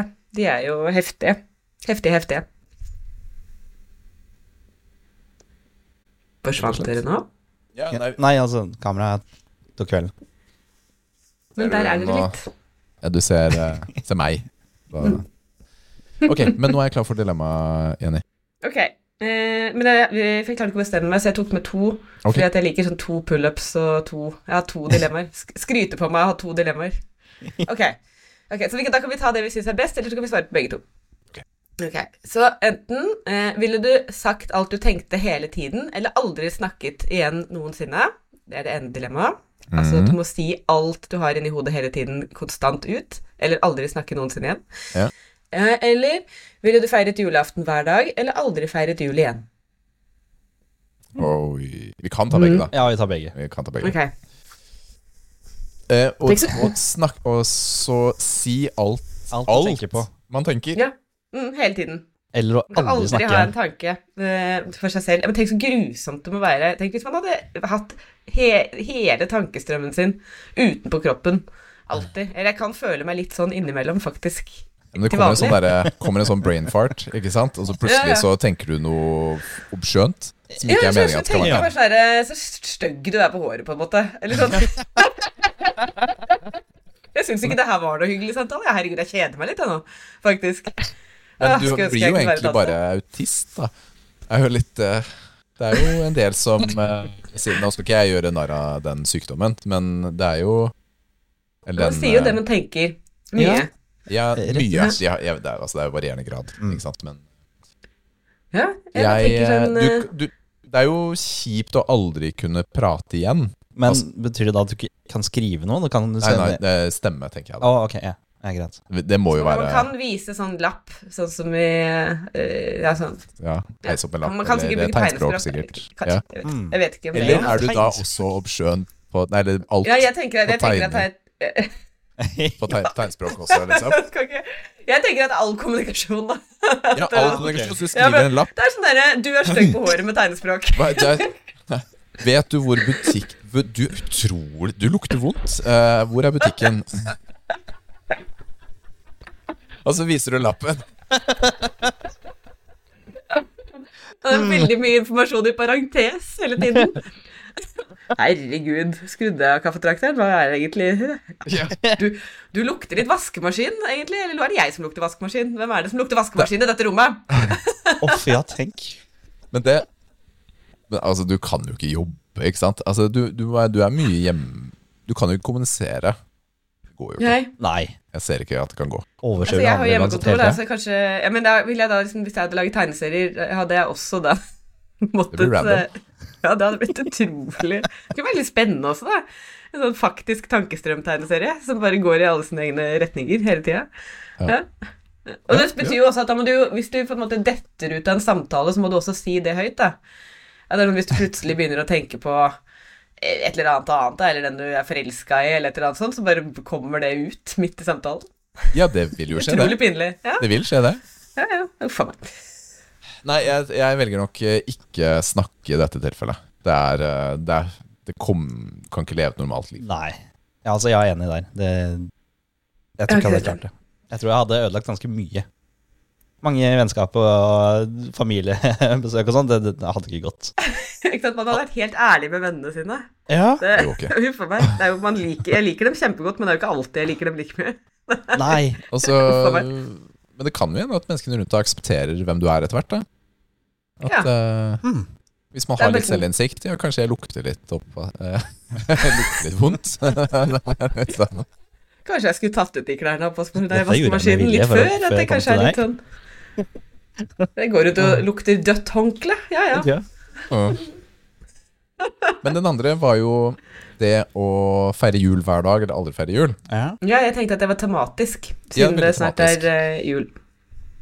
Men Betyr, altså, betyr det at er det, er det ribbe og pinnekjøtt hele tida, liksom? Det er det. Ja, det er akkurat det. Det er ribbe, pinnekjøtt, akevitt hver eneste dag. Man må jo leve For det første så får man jo eh, Man må jo på en måte Altså, blodårene bare koagulerer, liksom. Men i tillegg så blir det jo raskt alkoholisme av dette her. Ja, det, det vil fort også blitt da, ja, med en akevitt hver dag. Og det er jo dyrt. Alle de gavene man må drive og Nei, er det gaver også hver dag? ja. Det er jo alt. Det er jo hver, Alt? hver Det er hele jul, Hele, ja. Det er jul Oi. fra morgen til kveld, ja. Å, hva skal du etter jobben? Nei, det er jo jul. Det da. er, det er jul. Nei, det er ikke jobb. Det er, nei, det er Nei, ikke jobb. Det er ikke jobb. Hei. Eller Det hvis må ikke jo du har skiftet. finansieres, da. Ja, Hvordan skal vi finansiere det? Ja, ok, men du har pengene, da. ja det er sånn jule, Mm. julefond. Mm. Ja, men ellers så er det Altså, det blir First Price-ribbe hver dag. Og så må du passe på Du må strikke den derre sokken til bestemor hver kveld. Hver kveld. Og gjøre det. Få Det den eh, eneste du får høre på, er eh, Tre nøtter til Askepott. Eh, Oi, og Mariah Carey. Å nei. Hver eneste dag. Mm. Nei, det ble ikke jul på meg, altså. Nei. nei, det. Nei. Nei, jeg tror aldri, aldri, aldri jul. Aldri aldri jul. Litt synd. Aldri jul. Ja, litt vi, er vi tror vi etablerte at eh, vi liker jul. Ja, jeg også liker jul. Veldig glad i jul. Men kanskje ikke hver dag. Eh, kun fordi eh, jeg kan ikke spise ribbe hver eneste dag. Det går jo ikke an. Ja, da må du øke treningen opp fra to-tre i uka i hvert fall. Eh, ja, men da altså det, Til sånn ja, det stemmer. dagen. Det stemmer. To-tre om dagen. Jeg hadde ikke behøvd sånne ekstra vekter eh, når jeg skal ta pullups. Da kan jeg, jeg tror at eh, kroppsfasongen hadde Ja. blitt eh, Ja. Såpass. Kjempe Det hadde blitt mye masse etter hvert å løfte på. Nei, det er eh, Jeg tror ikke det er å anbefale. Jeg tror ikke det er å anbefale. Du, Jenny, det har vært utrolig hyggelig å ha deg som gjest her i Muskelnerdene. Virkelig. Kjempehyggelig. Så Kjempekoselig å få være muskelnerd, jeg Ja. også. Mm, det trodde jeg aldri at jeg skulle bli. Dette, dette hadde jeg aldri forventa at skulle skje i livet. Nei, Vi er jo ikke sånn superskumle, velger vi å tro, da. eh, I forhold til dette her. Så Nei, nei, dere er så hyggelige. Det har vært kjempekoselig. eh, veldig flott. Takk. Eh, så har du noe du vil plugge før du går videre? Hvor finner man mer om eh, Jenny? Eh, man kan kjøpe bøkene mine. Ja. Da, da blir jeg jo veldig glad hvis folk kjøper bøkene mine til eh, jul, f.eks. Mm. Så da kan dere ja, Har du en kan julebok? jeg har ikke noe julebok, men jeg har laget eh, forsiden på et julehefte som heter Rød jul, som har kommet ut nå. Og der har jeg faktisk litt tegneserier i det Kult. Men det har kommet med en ny bok i år, om Åsta Hansten, eh, som man kan kjøpe. Eh, kjøp Er jeg snerpet, eller hva skjedde egentlig med deg? Mm. Eh, les eh, grønne greier. Se på Jenny og Pia på Twitch. Ja. Da blir vi veldig glad hvis folk henger med oss på Twitch, eller henger med oss på Jenny og Pia i Bjarnes brutale brigade på Discord. Da blir Ja. vi superglade. Ja, og det er vel meg. Følg meg på Instagram, på Gjenjord. Gjenjord. Gjenjord. Det er helt kanon. Og da sier vi tusen takk til lytterne som har fulgt med hele veien også. Og takk til våre kjære patrons. Og så er det ny episode neste uke. Vi om ikke vi sliter med logistikkproblemer igjen, så har vi gjest eh, neste uke. Det kan godt hende.